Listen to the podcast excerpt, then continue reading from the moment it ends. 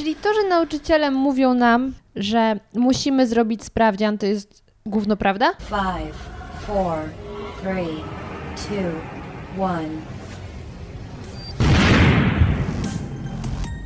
Podcast radioaktywny. Dzień dobry, dzień dobry. Ja nazywam się Małgosia Zmaczyńska, a ty słuchasz podcastu radioaktywnego, czyli luźnych rozmów na nietypowe tematy. Każdy odcinek, dostępny też jako wideo na YouTube, to zupełnie nowy gość, dzięki któremu nabierzesz świeżego spojrzenia na z pozoru oczywiste sprawy. Słuchaj podcastu co poniedziałek, aby dobrze rozpocząć nowy tydzień. Początek roku szkolnego to doskonała okazja, żeby choć na moment powrócić do szkoły, jednak tym razem w nieco innej roli. Moim gościem jest bowiem wyjątkowa dziewczyna, która przywróciła mi wiarę w przyszłość szkolnictwa, a tym samym młodych pokoleń. Samanta Dryja-Zabielska jest nauczycielką oraz autorką strony edukacjaspasją.pl i jak sama mówi, urodziła się po to, by uczyć. Już podczas pierwszej naszej rozmowy wiedziałam, że mam do czynienia z nauczycielką z powołania, taką, o której marzy każdy uczeń. W podcaście porozmawiałyśmy m.in. o grzeszkach nauczycieli, blaskach i cieniach tego zawodu oraz wyzwaniach, które stoją przed uczniami. Dzień dobry, dzień dobry, moja droga. W momencie, kiedy ten podcast jest publikowany, jesteśmy po 1 września. Mhm. W momencie traumatycznym dla wielu ludzi, nawet kiedy już e, edukację szkolną mają za sobą, bo ja osobiście dalej, jak jest 1 września, to skaczę z radości, że mnie on nie dotyczy. E, no ale właśnie, ale Ciebie dalej dotyczy, ponieważ jesteś nauczycielką i zaprosiłam Cię, żebyśmy porozmawiały o tym, jak to jest być nauczycielem, bo to jest pierwsza rzecz, która mnie bardzo interesuje. A druga to, żebyśmy spojrzały z takich dwóch stron, czyli mhm. osoby, która nigdy nie była nauczycielem i nie będzie, i osoby, która no, nigdy właściwie ze szkoły nie wyszła, na to, jak funkcjonuje ten system i co można by w nim zmienić. Dobrze, to najpierw się jeszcze przywitam. Dzień tak. dobry wszystkim. Um, to są dwa pytania bardzo, bardzo e, trudne, tak mi się wydaje. Mamy i... dużo czasu, żeby nad nimi się pochylić. E, dobrze. E, więc pierwsze pytanie dotyczyło tego, e, jak to jest być nauczycielem, tak? Nie. Nie. To będzie cały temat naszej rozmowy. Zadam Ci prostsze pytanie na początek, żebyśmy się e, rozkręciły, bo też jest względnie wczesna pora. W każdym razie, e, zacznijmy od tego, w którym momencie doszłaś do wniosku, że chcesz być nauczycielem? Mhm. Okej, okay, więc e, moja historia wydaje mi się, że jest e, jedną z tych rzadszych, tak mi się wydaje. I moja historia zaczyna się tak naprawdę w szkole podstawowej tak w klasach wczesnoszkolnych, kiedy po raz pierwszy e, nauczycielka zadała nam e, pytanie, e, kim chcecie być, jak dorośniecie. Więc mnie się podobało to, co ona robiła i inni nauczyciele, którzy byli w tej szkole i stwierdziłam, że to jest coś, co w sumie mnie interesuje i ja bym chciała to robić. Tym bardziej, że odkąd poszłam do szkoły, mm, zawsze też e, zabawa w szkołę mi towarzyszyła, też w domu, jak wracałam. Więc myślę, że wtedy się to zaczęło i jakby uformowało całą moją ścieżkę.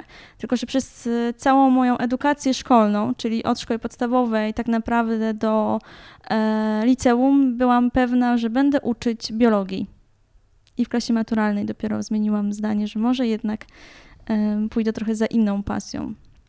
To zaraz do obecnego mhm. przedmiotu, którego nauczasz, dojdziemy. Natomiast mhm. zastanowiły mnie dwie rzeczy. Pierwsza, chciałaś robić to, co oni robią, więc co z tamtej perspektywy uważałaś, że oni robią?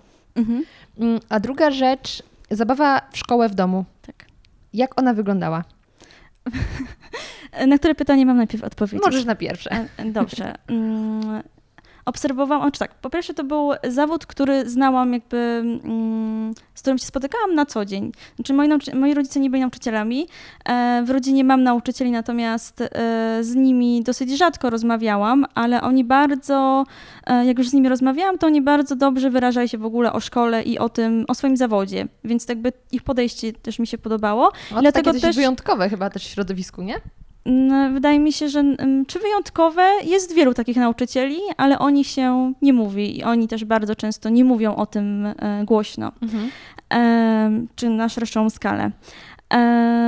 A co obserwowałam u moich nauczycieli? E, W szkole podstawowej miałam kilka takich nauczycielek, które mm, e, nadal są w moim sercu. E, Pierwszą z takich nauczycielek była pani Bożena, która miała ogromne serce dla nas i ogromną cierpliwość do nas.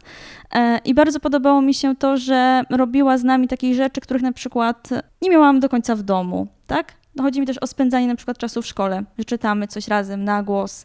W ten sposób też czuję, że nie jestem jakby sama w danej sytuacji, tylko są e, inne osoby i bardzo podobało mi się to, że ona potrafiła stworzyć taką atmosferę, że wszyscy jesteśmy razem i wszyscy jesteśmy uważni na siebie. Bardzo trudno mi jest to wytłumaczyć, ale wtedy oczywiście e, jako dziecko inaczej to pojmowałam i odczuwałam niż teraz o tym mówię, tak?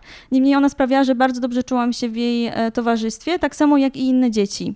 Czyli dawała nam takie poczucie bezpieczeństwa, a poczucie tego, że możemy do niej przyjść w każdej sprawie, tak? I że ona zawsze będzie po prostu dla nas. Ej, to po prostu człowiek złoto, bo Tak. szkoła w bardzo małym stopniu kojarzy mi się z tym, o czym mówisz, a osobiście nie mam jakichś strasznych Mhm. doświadczeń, chociaż moim nauczycielom, niektórym z podstawówki mam bardzo wiele do zarzucenia, ale pod kątem głównie pedagogicznym. Ale no, ani wokół siebie nie miałam takich przykładów, że ktoś chodził do szkoły, bo tam czuł się doskonale Mhm. zrozumiany i to było takie jego miejsce. Więc jak ja miałam do wyboru stać w domu, to zdecydowanie wolałam stać w domu. I większość osób tak e, też tak odczuwa, mam takie wrażenie. E, w tej szkole podstawowej, w której byłam, też miałam takich nauczycieli, którzy. Mm, no, wydaje mi się, że znaleźli się tam przypadkiem i też za nimi nie przepadałam, tak? Też niewiele wynosiłam z ich lekcji. Więc e, wydaje mi się, że po prostu w każdym środowisku mm, będą tacy nauczyciele, którzy mm, są we właściwym miejscu i wiedzą, po co to robią. I są też tacy, którzy być może w pewnym momencie życia zbłądzili, tak? Ale na przykład nie podejmują e, nie wiem, zmiany zawodu, no z różnych względów. Są bardzo różne też powody, dlaczego też nie chcą zmienić, tak? To jest kolejny bardzo szeroki temat, do Tak. którego myślę, że trzeba będzie za chwilę wrócić. Mhm. Ale okej, czyli dla ciebie y, zawód nauczyciela z takiej szerokiej perspektywy wtedy to było takie trochę holistyczne podejście do ucznia od takiego y, samego stricte związanego z pracą nauczyciela nauczaniem, przekazywaniem wiedzy, po też taką właśnie takie wsparcie mentalne Tak. i uczestniczenie w tym. Okej. Tak, tak, bo wydaje mi się, że to jest bardzo duża rola nauczycieli i e, nauczyciel przede wszystkim jest wychowawcą, nawet jeżeli przychodzi tylko na jedną godzinę do danej klasy. To przede wszystkim on wychowuje, nawet jeśli e, jemu się wydaje, że tak nie jest.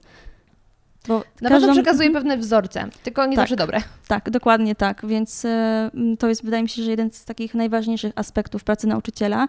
I nauczyciele przede wszystkim, którym się wydaje, że nie są wychowawcami, więc jakby takie kwestie związane nawet z poczuciem bezpieczeństwa, które tak naprawdę prawnie musimy zapewnić uczniom, ale chodzi też o takie bezpieczeństwo, że oni wiedzą, że my tu jesteśmy dla nich. Em, powinni stawiać na pierwszym miejscu. Jeśli do tej pory im się wydaje, że nie są wychowawcami, no to powinni e, zastanowić się nad, e, nad swoim podejściem po prostu do, do nauczania. Ja patrzę na to tak, że najpierw jestem wychowawcą, a potem jestem przedmiotowcem, tak? Em, I tak jak właśnie powiedziałaś, że e, jak przychodzimy nawet na jedną godzinę, to i tak swoją postawą, w tym w jaki sposób mówimy, w jaki sposób zwracamy się do uczniów, e, jak reagujemy na pewne rzeczy, bądź nie reagujemy, to w ten sposób wychowujemy.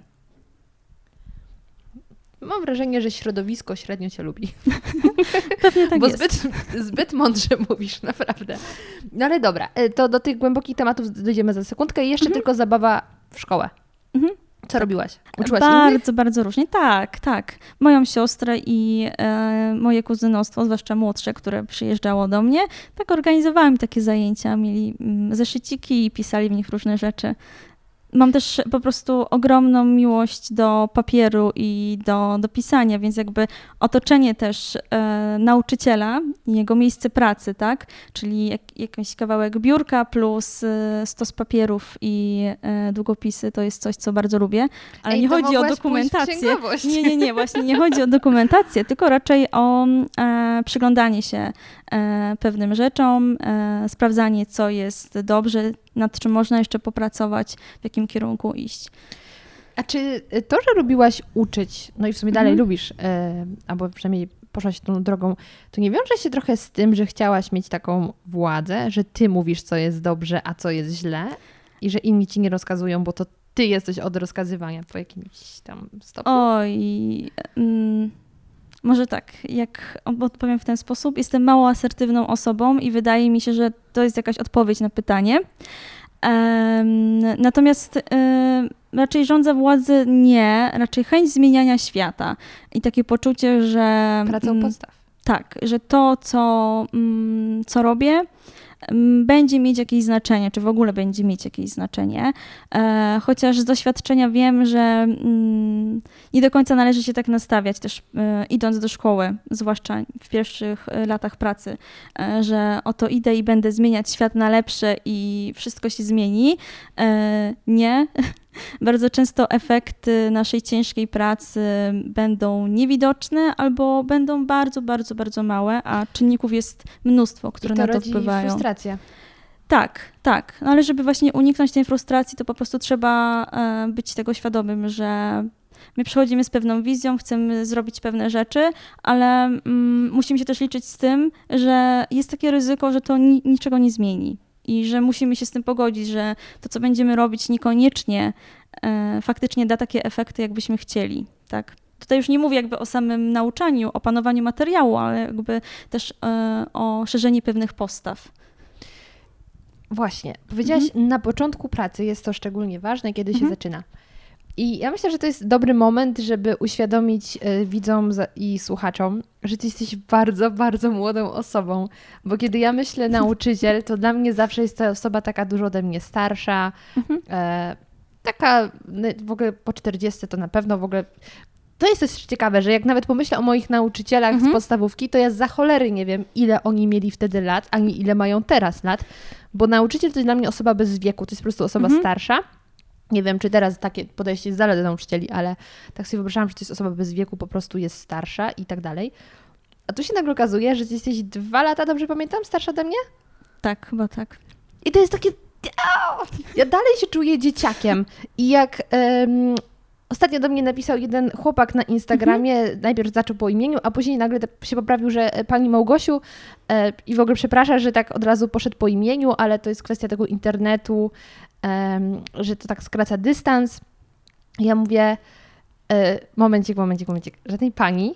Chyba, że masz poniżej 10 lat, to jestem w stanie pomyśleć, okej, trochę nas dzieli. Mhm. Ale powyżej, jeśli masz 10 lat, to, to żadna pani. I słuchaj, okazało się, że masz 17 lat.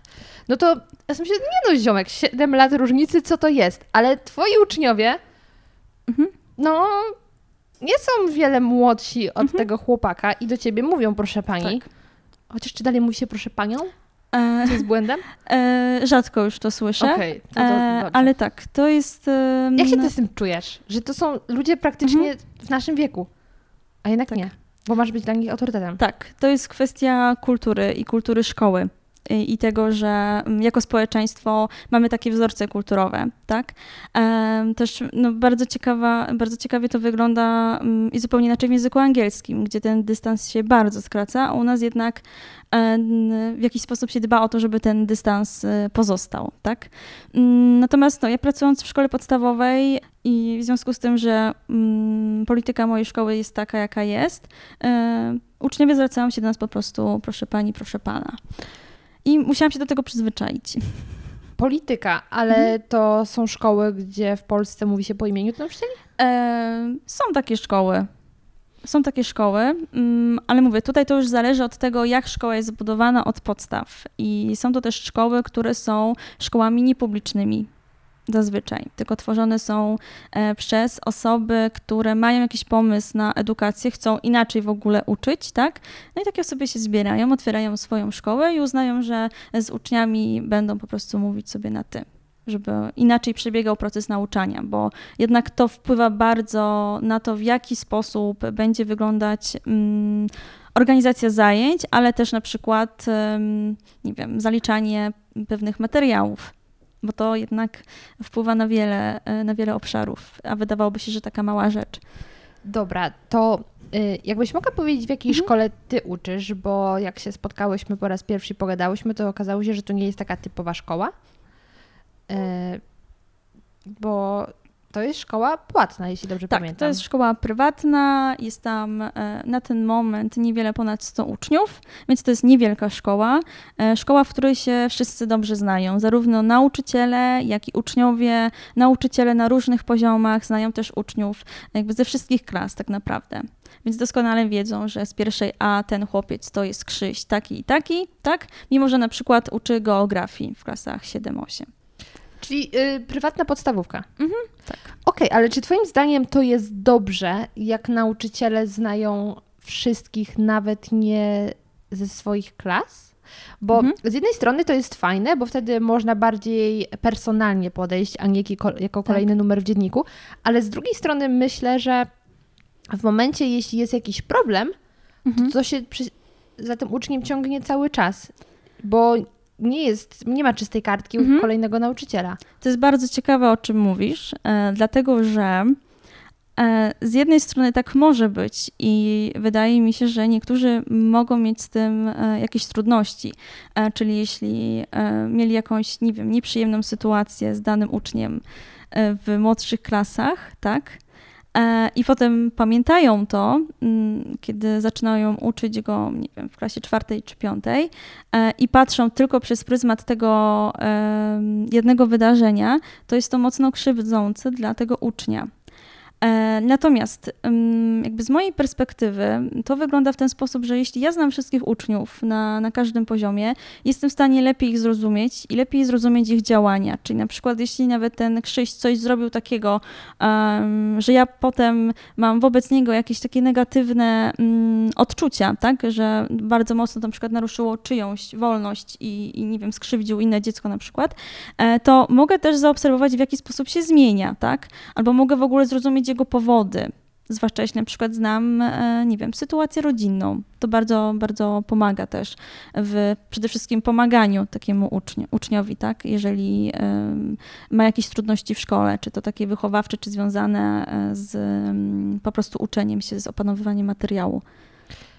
I czy tak faktycznie się zdarza? Bo ile ty w tej szkole już uczysz? E, Teraz będę, półtora roku uczyłam, czyli teraz kolejny, ko- pełny jakby drugi rok będę uczyć w tej szkole.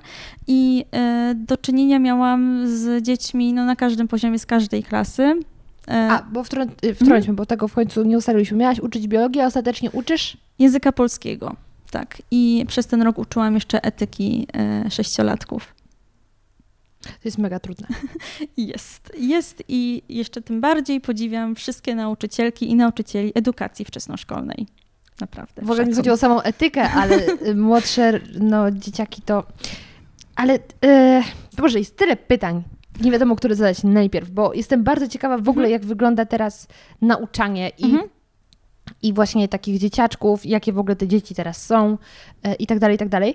Więc to powiedzmy za chwilę, ale powiedz mi jeszcze, e, czy dla Ciebie dużo się różniło przygotowanie do lekcji z takimi dziećmi, a ze starszymi? Bo oprócz Mhm. tych dzieciaków e, z- i etyki, to uczysz...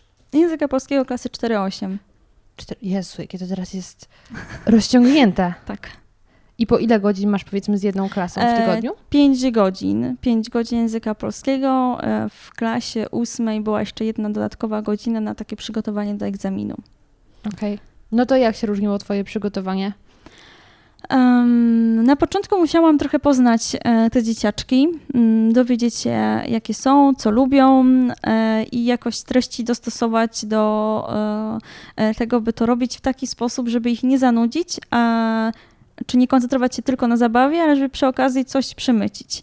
Więc tak naprawdę szukałam na początku mnóstwo inspiracji w ogóle, jak uczyć etyki, dlatego że e, nie, mm, nie byłam, na, nie ukończyłam żadnego kursu e, jakby w tym kierunku, tak, zwłaszcza do uczenia takich małych dzieci i chyba to było dla mnie największym wyzwaniem. Więc po pierwsze szukanie inspiracji, po drugie rozmowy z koleżankami, jak coś mogę zrobić, żeby to miało sens, tak. Ewentualnie, jeżeli ona lepiej zna dzieci, to co mi proponuje, bo na przykład widzę takie i takie zadanie chciałabym zrobić, ale nie wiem, e, czy to wypali, tak. E, Więc początkowo to właśnie było dużo rozmów, dużo czytania, Potem samodzielne burze mózgu, tak? Co można zrobić, co odrzucić i, i co wziąć na te zajęcia. E, no a potem już po takich pierwszych zajęciach patrzyłam, co się sprawdza, a co nie, w jakich proporcjach e, i potem zdecydowanie łatwiej było mi e, przygotować się na takie mm, zajęcia, czyli było trochę wycinania, kolorowania, jakichś zabaw ruchowych, ale jednocześnie mówiących o tematach na przykład równości, różnorodności, wartości i, i tak dalej.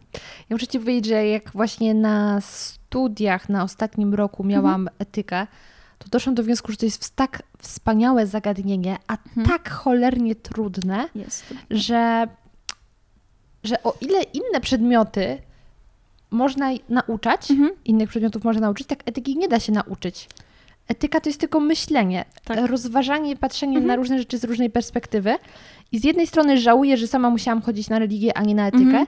ale domyślam się, że ja z tej etyki bym nic nie wyniosła, bo żeby tego nauczać, i to też na takim wyższym poziomie niż te mhm. podstawy, że trzeba być miłym dla innych, a przynajmniej należy, albo dobrze byłoby. Mhm. Y to trzeba samemu być niezwykle wrażliwym, żeby innych tego nauczać, a też uważam, że nie każdy jest w stanie to ogarnąć. Mhm. Jest to bardzo, bardzo, bardzo trudne. Także w ogóle właśnie jakiego typu treści tym y, dzieciaczkom przekazywałaś? E, wybrałam sobie kilka takich y, obszarów zagadnień, które wydawało mi się, że dzieci będą w stanie y, pojąć, chodzi mi o to, żeby jakąś refleksję wzbudzić w nich. E, koncentrowaliśmy się, no właśnie, czymś, co nazwałaś e, bycie miłym, ja to nazwałam życzliwością i o tym rozmawialiśmy. Mieliśmy cykl takich zajęć. E, rozmawialiśmy o różnorodności, o różnicach, o tym, jak się różnimy i co dzięki temu zyskujemy. I to też odbywało się na kilku zajęciach, bo nie da się jednak na jednych z tak małymi dziećmi o tym porozmawiać, więc tutaj robiliśmy szereg różnych zadań, które przede wszystkim pokażą to, tak, że mm, dzieci podejmą e, refleksję. E, rozmawialiśmy też o granicach, o przestrzeni swojej i innych osób. E, I tutaj były wspaniałe tematy i dzieci bardzo dużo też mówiły o, o, o tym, jak to wygląda u nich w domu, tak?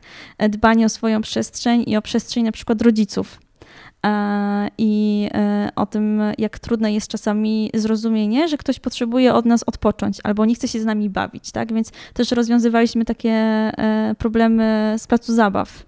O Jezu, dlaczego ty nie byłaś moją nauczycielką? Przecież moim największym bólem dzieciństwa było to, że bawiłam się z moim bratem, albo w ogóle przygotowywaliśmy się do tej zabawy mhm. przez jakąś chwilę, tam jakieś samochody przygotować czy coś. I tylko zaczynaliśmy i po 15 minutach, bo wiesz co, już mi się nie chce. I ten tekst, wiesz co, już mi się nie chce, to jest dalej dla mnie taki, taka trauma, mhm. że już mamy się fajnie bawić i nagle jemu się nie chce i... Tak. Cały świat się wali. Gdybym miała z tą etykę, to bym potrafiła sobie z tym radzić. Nie wiem, nie wiem, nie, nie, mogę, nie mogę ręczyć za to. Nie wiem, zobaczymy jak E, jak potem będę pracować z tymi samymi dziećmi na dalszym etapie, to zobaczymy, czy coś zostało, czy nie z tego. Dobra, no mhm. więc etykę mamy, a potem zostaje nam e, język polski w mhm. klasach 4-8. Tak. Jak to wygląda? To pytanie jest bardzo szerokie. Bardzo. Ja nie wiem, nie wiem od, od, od czego zacząć. Um, bo nie wiem, o co konkretnie bo czego konkretnie chciałabyś się dowiedzieć? Dobra, więc pierwsza rzecz. Mhm. Czy ty masz z ministerstwa narzucony program, jak mhm. ma wyglądać nauczanie? Czy sama sobie to tworzysz? Czy jeśli prowadzisz klasę od 4 do 8, to możesz sobie manewrować lekturami, które mm, w danym roku się przerabia, czy jeśli stwierdzasz, że jakiś wiersz jest tak głupi, że sama go nie ogarniasz, możesz go nie robić. Mhm. Jak to wszystko wygląda od kuchni? Okej, okay. no to już jest jakieś pytanie, które wiem e, w takim razie, co mówić. E, więc pierwszym podstawowym e, dokumentem, do którego zobowiązany, zobowiązany jest nauczyciel, jest podstawa programowa. E, I podstawa programowa zawiera wszystkie treści ogólne i szczegółowe, które należy zrealizować w klasach 4-8. Z języka polskiego wygląda e, to w ten sposób, że jest podział 4-6 i 7-8 i e, na te etapy są przydzielone lektury. Jeśli mamy lektur, listę lektur dla klas 4-6, to można sobie wybierać, które realizujemy w czwartej klasie, które w piątej, które w szóstej. Podobnie jest z ósmą klasą. E, jest też lista, mm, bo tutaj mówię o lekturach, to w głowie się pewnie pojawiają takie teksty grubsze, powieści, opowiadania, ale są też utwory liryczne, e, ale tutaj są podane, mm, podani są tylko autorzy, więc można sobie wybierać, e, jakie wiersze czytamy. Mm, więc tutaj mamy przynajmniej jakie, jakieś pole mm, wolności. Natomiast y, obecna podstawa programowa jest y, przeładowana materiałem. A to nie jest tak, że ona zawsze była? Y, owszem, natomiast teraz materiał, który mm, realizowano w gimnazjum na 3 lata, teraz praktycznie trzeba go zrobić w klasach 7-8. No, no tak. Więc pod tym względem jest to trudne. E, tym bardziej, że nauczyciele e, w różnych środowiskach e, i to dotyczy nie tylko języka polskiego, ale również matematyki, bardzo często mówią, że trudno jest po prostu wyrobić się w klasie siódmej z tym, co planują zrobić, tak? Mm, I potem w ósmej są właściwie powtórki. Tak, natomiast bardzo często też one zaczynają się późno, dlatego że materiał nie został zrealizowany, tak? Więc tak, opowiedziałam o, podstawie programowej. Um, i bardzo często jest tak, że nauczyciele sobie wybierają podręczniki, które są jakby przystosowane do tej podstawy programowej, czyli można realizować sobie program podstawy programowej, który jest zawarty w danym podręczniku. Natomiast w związku z tym, że ja sobie bardzo cenię wolność i po moich różnych doświadczeniach w różnych szkołach podczas praktyk wiem, że praca z podręcznikiem i robienie jeden do jednego, co tam jest, kompletnie mi nie pasuje i bardzo się frustruję, kiedy muszę coś robić narzuconego, e, to realizuję program autorski.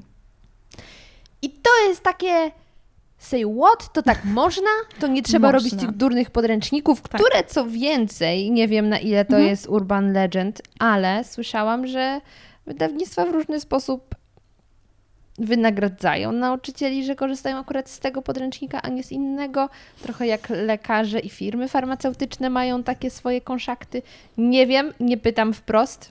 E, ja się z tym nie spotkałam. Okay. Znaczy mówię tylko o swoim doświadczeniu. Bo ty robisz swój program, no to... Tak, ale e, w, w swojej klasie, którą mam od, od początku, czwartej, tak. Natomiast e, teraz przyjmuję dwie klasy i muszę realizować program, który jest no, narzucony mi przez podręcznik. Z prostej przyczyny, mm, by nie było problemów potem z treściami, które nie zostały zrealizowane, czy których mój program nie, nie zakłada tak, w daną, daną klasę.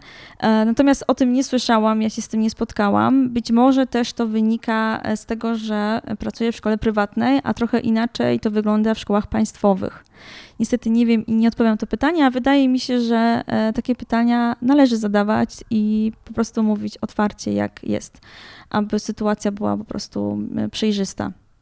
No bo to też jest taki, e, pamiętam, była taka bolączka, że pomiędzy mhm. mną a moim bratem jest 3 lata, ale bardzo często właściwie to powinno być tak, on wychodzi, ja biorę jego książki. Mhm. Zupełnie nie. Nie, to się zmienia. To było tak. okropne, bo znowu ile pomijając makulatury, ale mhm. ile pieniędzy na to szło.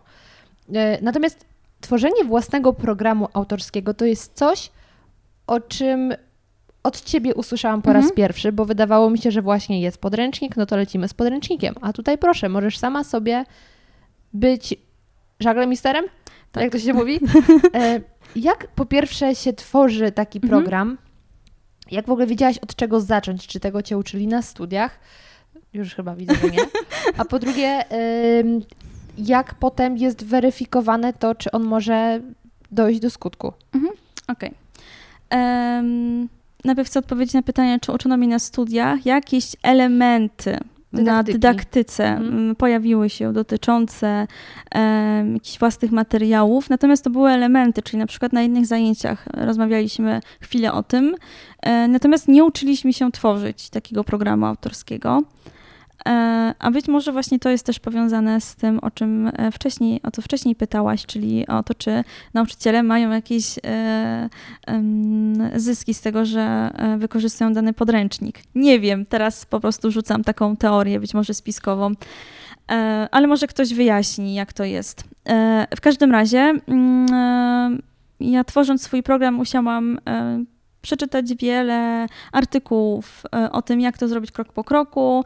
Przejrzałam kilka wzorcowych, jak to e, wygląda. Ale na polskim Mhm. rynku, czy gdzieś Na zagranicznym? polskim i jest mnóstwo takich publikacji. Natomiast y, nauczyciele są taką grupą zawodową, która mm, w niewielkim procencie dzieli się swoją działalnością. To jest niewielki procent, ja nie wiem, to jest chyba w okolicach 10-15% nauczycieli, którzy mm, korzystając z internetu przy okazji dzielą się swoją wiedzą, także na przykład prowadzą swój blog, czy podcast, czy cokolwiek innego. To jest niewielki procent. No właśnie, bo ja powiem tak, nie wiem jak na ciebie trafiłam na Instagramie, Mhm. jakoś, się, Chyba tak. jakoś się znalazłyśmy e, i tak sobie ciebie obserwowałam Mhm. i do wniosku, wow, w ogóle ktoś mówi o tym jak nauczać, w sensie pierwszy raz słyszę gadającego nauczyciela w internecie i faktycznie nie kojarzę osoby, która by w internecie była znana jako nauczyciel.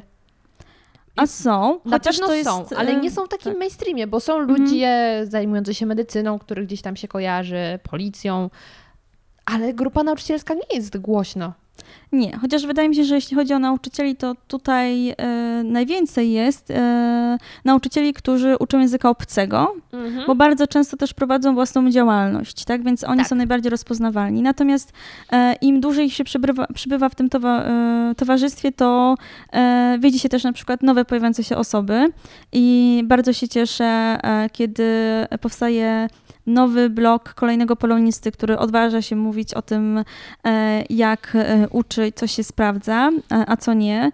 E, Znam też e, wielu matematyków, którzy prowadzą swoje blogi, e, chociaż do nich jak, jak, e, do nich jak zaglądam, to tak nie zawsze wszystko rozumiem, o co chodzi. Natomiast e, bardzo mi się podoba to, że jednak się dzielą też swoją wiedzą. Więc wciąż to mimo wszystko jest e, no, niewielki, niewielki odsetek nauczycieli. Ale mimo wszystko udało mi się znaleźć w internecie e, jakieś wzorcowe, przykładowe programy autorskie. E, Co ciekawe, mm, publikowane przez osoby, które e, w sieci nie, mm, nie istnieją w tym sensie, że właśnie prowadzą blog, czy mm, w jakiś taki sposób em, ustrukturyzowany mówią o nauczaniu, tak? Tylko po prostu ktoś e, przeprowadził swój program autorski, chciał się tym podzielić, więc wrzucił po prostu do, e, do sieci, żeby inni mogli się nauczyć. E, Więc w ten sposób też się przyglądałam temu. No a potem em, było urocze półtora miesiąca, kiedy siedziałam z podstawą programową, no Mhm. bo ona jest tym obowiązkowym pierwszym dokumentem i dzieliłam sobie treści. W zasadzie na moim Instagramie mam przypisane Instastories, które mam mnóstwo e, klatek z tym, jak e, dzień po dniu, tydzień po tygodniu e, rozprawiałam się z tym bo robiłam z tego relacje i uznałam, że to może być ciekawe, jak to wygląda, zwłaszcza kiedy to się robi na bieżąco, tak? Jak to się zmienia, więc tam są też moje kryzysy twórcze i... Weltschmerz. Tak, więc pokazałam jakby całą taką drogę. Mm, Każdy zapis podstawy programowej, ten szczegółowy, mm, rozpisywałam sobie na konkretną wiedzę i umiejętności, tak? Czyli na przykład co to znaczy, że e, uczeń wie, mm, czym jest argument i przykład, tak? Więc co to dla mnie znaczy jako nauczyciela, jak ja będę tego uczyć? Bo e, zapisy w podstawie, mimo że są szczegółowe, niektóre brzmią bardzo enigmatycznie i trzeba naprawdę się zastanowić nad tym, w jaki sposób ja wejdę z tym do klasy. Argument i przykład to jest fantastyczny temat, bo on uczy rozmowy na argumenty, czyli prowadzenia dyskusji. I to jest rzecz, która w szkole nie istnieje. Jest, w nowej podstawie jest i możemy, tak, możemy e, zawdzięczać to reformie, że jest większy nacisk e, właśnie na e, retorykę, na umiejętność argumentowania. Więc mam nadzieję, że też e, m, będziemy mieć też miejsce i przestrzeń na to, żeby nie wiem, zajmować się na przykład fake newsami, bo No tak, tylko wiesz, co mnie zastanawia, że z jednej temat. Mhm. strony przeprowadzenie lekcji, co to jest argument, jak prowadzić dyskusję, debata oksfordzka i tak dalej, świetnie. Ale ciekawa jestem, na ile nauczyciele będą się tego trzymać na lekcjach już na, o innych Mhm. rzeczach, bo niestety z mojego doświadczenia i wielu osób, z którymi rozmawiam, jest tak, że w szkole, kiedy się nie zgodzisz z nauczycielem, Mhm. masz przerąbane. Bo nie wiem, z czego to wynika. Czy to jest kwestia tego, że nauczyciele boją się dyskusji, że boją się jakiegoś ośmieszenia, czy czegoś, że nie będą wiedzieć, co nie jest niczym złym, że czegoś Mhm. nie wiedzą. ale uczniów, którzy w jakiś sposób chcą się włączyć w dyskusję, jakieś się wyróżniają, czy w ogóle wybitnie też zdolni, nie mają łatwego życia. Mm, nie, mm, ale tutaj muszę powiedzieć, że to wciąż zależy od środowiska i od kultury szkoły Mhm. i od konkretnego nauczyciela. To na pewno. E, dlatego, że e, ja na przykład mm, miałam takie bardzo fajne doświadczenie, mm, tylko jako e, praktykantka w jednej z warszawskich szkół, gimnazjum. I poszłam sobie na lekcję do angielskiej, poobserwować ją, dlatego że moja opiekun stażu była czymś tam innym zajęta, po prostu nie prowadziła zajęć. Ja stwierdziłam, że chcę to jakoś wykorzystać. I poszłam na zajęcie do pani, która mm, robiła niesamowite rzeczy. Znaczy, inni nauczyciele oczywiście uważali, że to, co ona robi, to w ogóle przecież się nie sprawdza na egzaminach, na testach i że to bez sensu. Natomiast ona miała niezwykłe e, podejście. Po pierwsze, jak ja tam przyszłam, to od razu wykorzystała mnie na tych zajęciach, tak? E, Włączyła mnie w te zajęcia, czyli musiałam też rozmawiać po angielsku e, i e, uczniowie mm, mieli mi zadawać różne pytania, tak? Bo mieli odgadnąć, kim ja jestem, czym się zajmuję, a potem jeszcze była rozmowa o tym, co można robić po polonistyce, czy tylko uczyć w szkole. Więc w ogóle jakby zmieniła totalnie plan na swoje zajęcia, tak? Przez jeden czynnik, jakim byłam ja. E, Więc to było bardzo ciekawe. Potem przychodziłam do niej jeszcze na, na e, inne lekcje. Po prostu zostawałam albo przychodziłam wcześniej do tej szkoły, żeby móc poobserwować, e, jak uczy. I mm, ona bardzo często prowokowała właśnie takie sytuacje, żeby uczniowie mogli się z nią nie zgodzić, tak? A potem musieli po prostu argumentować, dlaczego uważają, że ona nie ma zdania. Że ma zdanie tylko inne niż oni. Tak. Fantastyczne. No ale właśnie. I zastanawiam się, jak później, y, zmieniając taki... Bo powiedziałeś, że twoja podstawa Mhm. zakładała każdy jeden dzień. Też. Em, Dzień. e, Aha, chodzi ci o mój program, tak? Mhm. Tak, jak e, planowałam mm, na poszczególne klasy, to musiałam tak zakładać z odpowiednią ilością tam dni, tak? Mniej więcej przynajmniej. Wiadomo, że zawsze coś się może wydarzyć, oprócz tych e, świąt czy dni wolnych, które są, e, o których wiemy z góry. E, Więc e, zawsze e, gdzieś taki bufor czasowy sobie dawałam albo na to, że dział nam się przedłuży z różnych względów, albo że na przykład jakieś lekcje nam wypadną.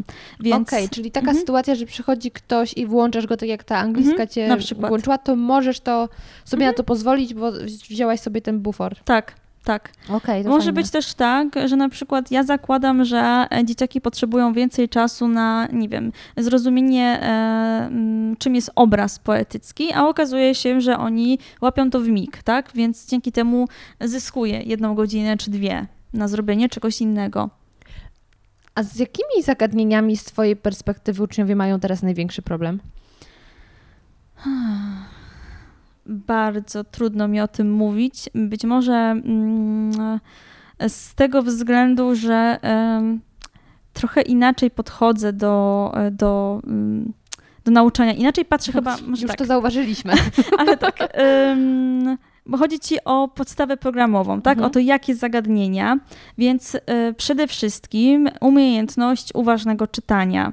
I jakby patrząc na to, mm, jakby no, czytanie jest podstawą, więc tak naprawdę jeżeli mają problem z czytaniem, to znaczy, że tak naprawdę ze wszystkim mogą mieć problem. Uważnego w zasadzie, żeby się nie rozpraszać, czy żeby y, rozumienie tego, co się czyta?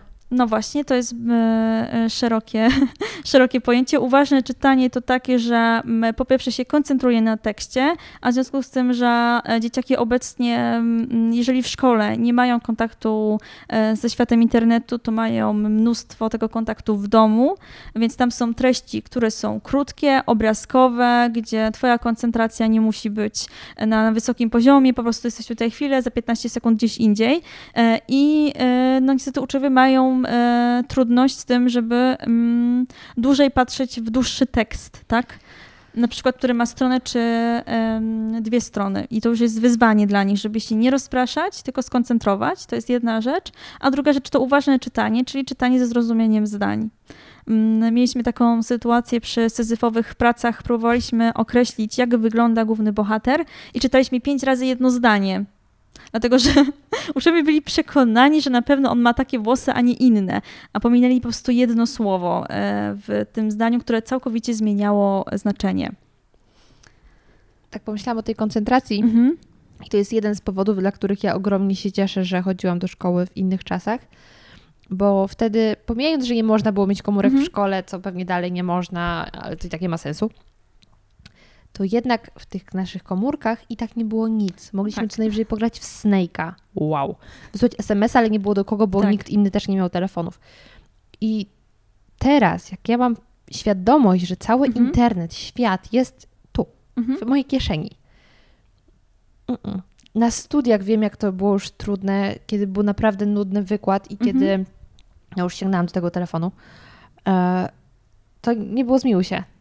A w szkole to jest jeszcze trudniejsze. Tak, jeszcze trudniejsze, dlatego że e, zwłaszcza e, dzieci, uczniowie, którzy mm, w ten świat internetu nie, nie byli wprowadzani pod jakąś kontrolą czy monitoringiem rodziców. Tutaj nie chodzi mi o to o sprawdzanie, co robią, tylko em, jak długo obcują z, e, z internetem. I tu chodzi mi o takie młodsze dzieci przede wszystkim. Nawet te dziesięcioletnie, tak, jak długo z tego korzystają, co tam robią, w jakim celu. E, Wydaje mi się, że na początku jest to ważne, żeby wiedzieć i też e, w jakim czasie, czy też w jakim. mm, W jakim kontekście? Chodzi mi tutaj bardziej o to, e, kiedy jest to korzystanie z internetu, czy to jest także po pracy domowej, przed czy w trakcie, tak? Bo to jednak też potem wpływa na to, jakie nawyki się buduje. E, I potem niestety bardzo trudno z tym walczyć, tak? Jeżeli byłem przyzwyczajony, że jak sobie, e, nie wiem, odrabiam pracę domową z matematyki, to słucham sobie muzyki, e, albo sobie spojrzę na YouTube, albo coś tam, albo coś tam, to potem, kiedy w szkole przychodzi ten moment, kiedy trzeba się skoncentrować bez żadnego tła, tak? Czyli tego, co lubisz, no to jest też problem z tym. Ach, niełatwo żyć w tych czasach, jak się jest młodszym. Nie, nie, nie, nie, ale właśnie warto o tym pamiętać właśnie z tej perspektywy, jak ty mówisz, że y, y, powinniśmy o tym przede wszystkim pamiętać, czy myśleć, e, z czym się zmagają właśnie nasi uczniowie, tak? No właśnie, bo, bo ty pamiętasz i Mhm. ty wchodzisz w ich skórę, jak sobie wyobrażam, i patrzysz z ich perspektywy, co jest fantastyczne, ale mam wrażenie, że często nauczyciele po prostu przy. Mm, jak się mówi. Mają taką postawę Mhm.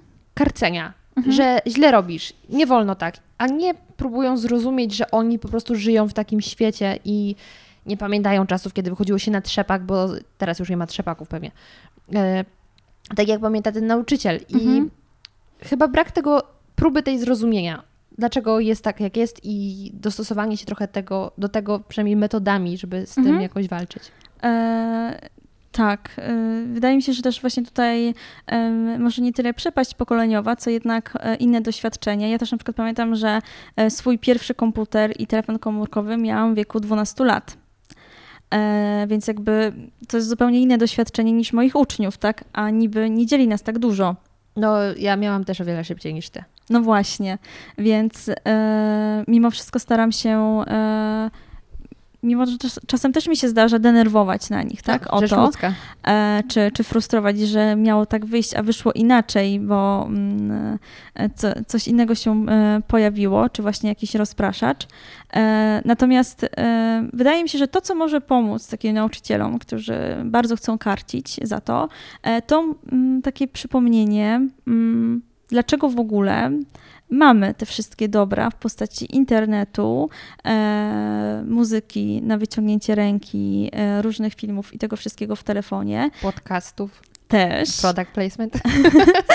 Em, no, czyja jest to zasługa? Kto to zrobił? Bo nie zrobiły tego dzieci, tylko zrobili to dorośli i trzeba o tym pamiętać. Może tak, to jest to właśnie, o czym ja często mówię, że jak można się wkurzać na dzieciaki teraz, że używają czego, czegoś, Mhm. co dali im rodzice, co stworzyli s- inne pokolenia. Tak, dokładnie tak. Fantastyczne. Ale dobrze, wracamy teraz do tego, Mhm. że stworzyłaś swój program i kto ci go później musiał zatwierdzić? E, Rada pedagogiczna. Mieli jakieś Musiałam uwagi? przedstawić, e, to najpierw, ja oczywiście na początku konsultowałam to z moją panią dyrektor, ale mówię tutaj, miałam wyjątkową sytuację, bo jednak w każdej szkole trochę inaczej to działa i różnie wygląda jakby relacja dyrektor-nauczyciele. Więc ja miałam taką sytuację, że e, z moją panią dyrektor, która też e, była psychologiem, mogłam się skonsultować, tak? Mój program był też sprawdzany, czytany przez moją mentorkę ze szkoły edukacji, e, Która dała mi solidne uwagi co do tego, więc mogłam e, kilka rzeczy poprawić i wiedzieć mniej więcej na jakim jest to poziomie. Ona też mi napisała taką rekomendację. To było dla mnie takie zabezpieczenie. No i na Radzie Pedagogicznej odczytuje się jakby główną treść czy założenia. Jeżeli ktoś ma jakieś pytania e, albo nie jest czegoś pewien, no to się o tym rozmawia. Natomiast e, u mnie zostało to pozytywnie po prostu odebrane i mm, nie miałam jakby uwag od Rady Pedagogicznej, więc program został zatwierdzony. I to stworzyłaś w tej szkole, w której jesteś obecnie. Tak, Jesteś w niej półtora roku. tak. Czyli zaczęłaś wprowadzać ten program Dopiero we czwartej klasy? Tak, tak, tak, tak, tak. Czyli jeszcze nie masz e, takiego, takiej pewności, czy dobrze to wszystko zaplanowałaś, bo to się okaże w szóstej klasie też dalej jest Mniej egzamin? więcej tak. No, no musiałam zaplanować na 5 lat, tak? Od 4 do 8. Czyli czwarta, piąta, szósta, siódma, ósma. I masz takie trochę taki lęk? Czy dobrze to zrobiłaś, że łatwiej byłoby pójść z podręcznikiem i wtedy, no jeśli coś nie wyszło, to przez podręcznik? E, obawy zawsze są i wydaje mi się, że to dobrze, bo e, dzięki temu jestem też przygotowana właśnie na uwagi różnego typu, czy na modyfikacje. E, I na, po tym roku na przykład wiem, że część rzeczy nie wyszła z różnych powodów, e, ale też na przykład tego, czego nie zrobiłam, na to miejsce wyszły inne rzeczy, które były ważne, tak? Na przykład w tym roku nie planowałam zrobić plakatu z dziećmi, ale mieliśmy taką sytuację, mm, że no musiałam go wprowadzić, dlatego że jeden z uczniów chciał zorganizować w szkole akcję wspierającą Fundację Bezdomniaki. E, Chciał wesprzeć e, psy, więc uznałam, że no okej, że skoro chcecie sprzedawać własną biżuterię, własnoręcznie robioną, bo taki był pomysł, no to trzeba jakoś to rozgłośnić, tak? Muszą być plakaty, więc dlatego wprowadziłam lekcję o plakacie, która nam zajęła trzy jednostki lekcyjne w sumie. Em, więc kosztem innych rzeczy, tak? E, Natomiast też wiele rzeczy udało mi się zrobić, e, takich, których nie planowałam też na tą czwartą klasę, czyli na przykład wprowadzenie jakichś pojęć, które e, początkowo wydawało mi się, że może będą za trudne, przy czym jak dzieci zaczynają pytać, to po prostu mówię o tym, tak? I szerzej patrzymy na, e, na dany temat. Na przykład mieliśmy tak przy cytacie, jak już mówiliśmy o cytowaniu, i, czyli dosłownym przytaczaniu czyjś wypowiedzi, no to oni się zapytali, czy e, istnieje w takim razie jakieś słowo na to, jeżeli ktoś nie mówi dosłownie, no to mówię, parafraza. Natomiast nie wiem, czy będą pamiętać to. Ale e, wydaje mi się, że trzeba być po prostu bardzo mm, uważnym na to, mm, co interesuje uczniów, w jakim kierunku chcą e, podążać, jakie mają możliwości i potrzeby, e, bo tego niestety podręczniki nie zakładają. No bo są bezosobowe. Dokładnie. A czy uczniowie żyją na lekcjach bieżącymi wydarzeniami, na przykład z Polski, z polityki, jakimiś społecznymi i o tym się Bardzo dużo zależy od, tutaj od środowiska domowego, em, dlatego że są tacy uczniowie, którym bardzo właśnie leży na sercu to, co się dzieje e, i mam też takich uczniów, którzy mają taką silną potrzebę działalności społecznej, tak?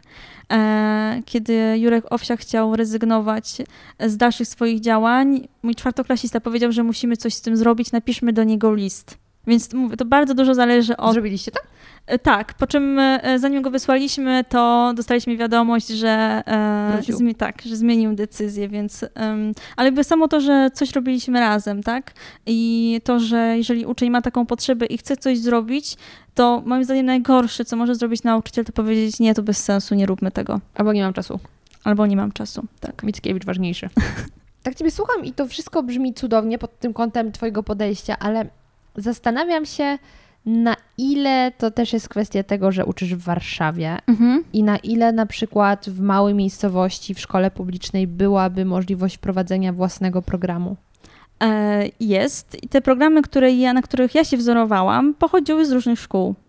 Więc y, są nauczyciele, którzy to robią, tylko tak jak mówię, y, oni nie niosą tego dalej, świat o tym nie, nie mówią po prostu dalej. E, natomiast y, to, o czym teraz powiedziałaś, czyli czy mm, być może to tutaj wynika z tego, że jestem w Warszawie, w, w takim miejscu, gdzie mm, otwartość może być większa i jakby zaufanie społeczne większe, tak nie do końca jest, o tym też zaraz powiem.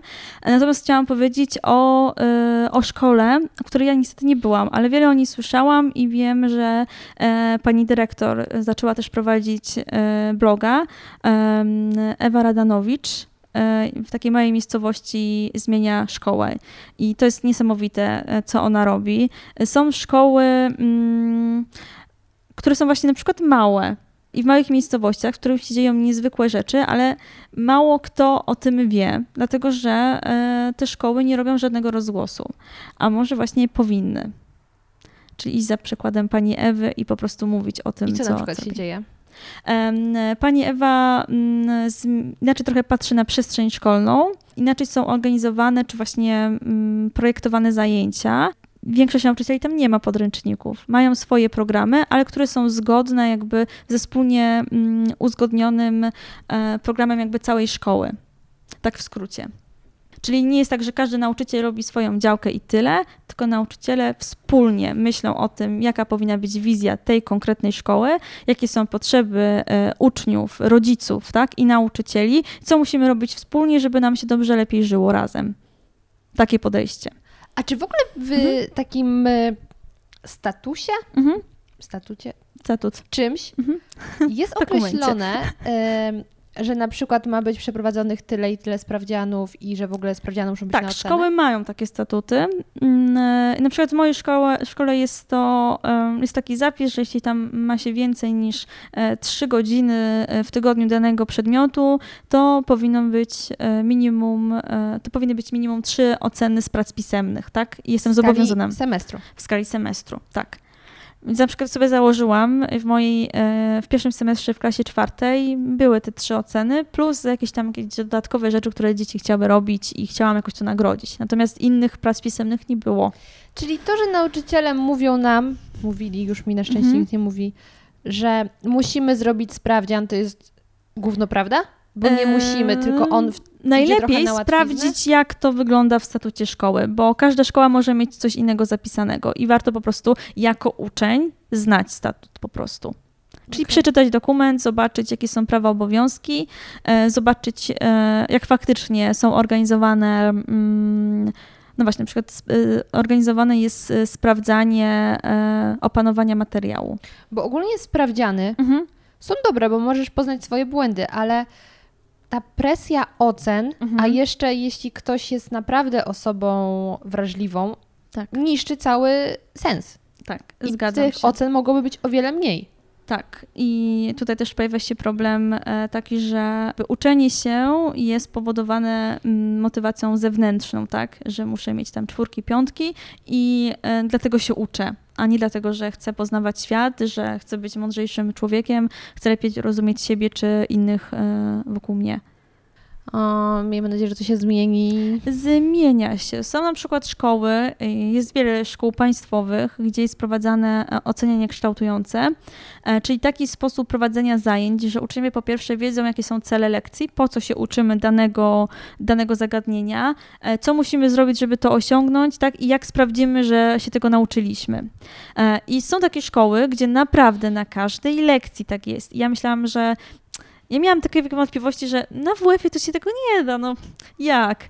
Ale widziałam taką lekcję WF-u, naprawdę. Widziałam taką lekcję WF-u i byłam pod ogromnym wrażeniem, jak nauczyciel, e, ćwicząc z dzieciakami rzuty do kosza i kozłowanie, e, ćwiczył empatię i zatrzymywał za każdym razem e, ćwiczenie, jeśli jakieś e, dziecko mm, nie popatrzyło na kolegę i nie podało mu we właściwy sposób. To po prostu o każdej takiej sytuacji rozmawiał z nimi.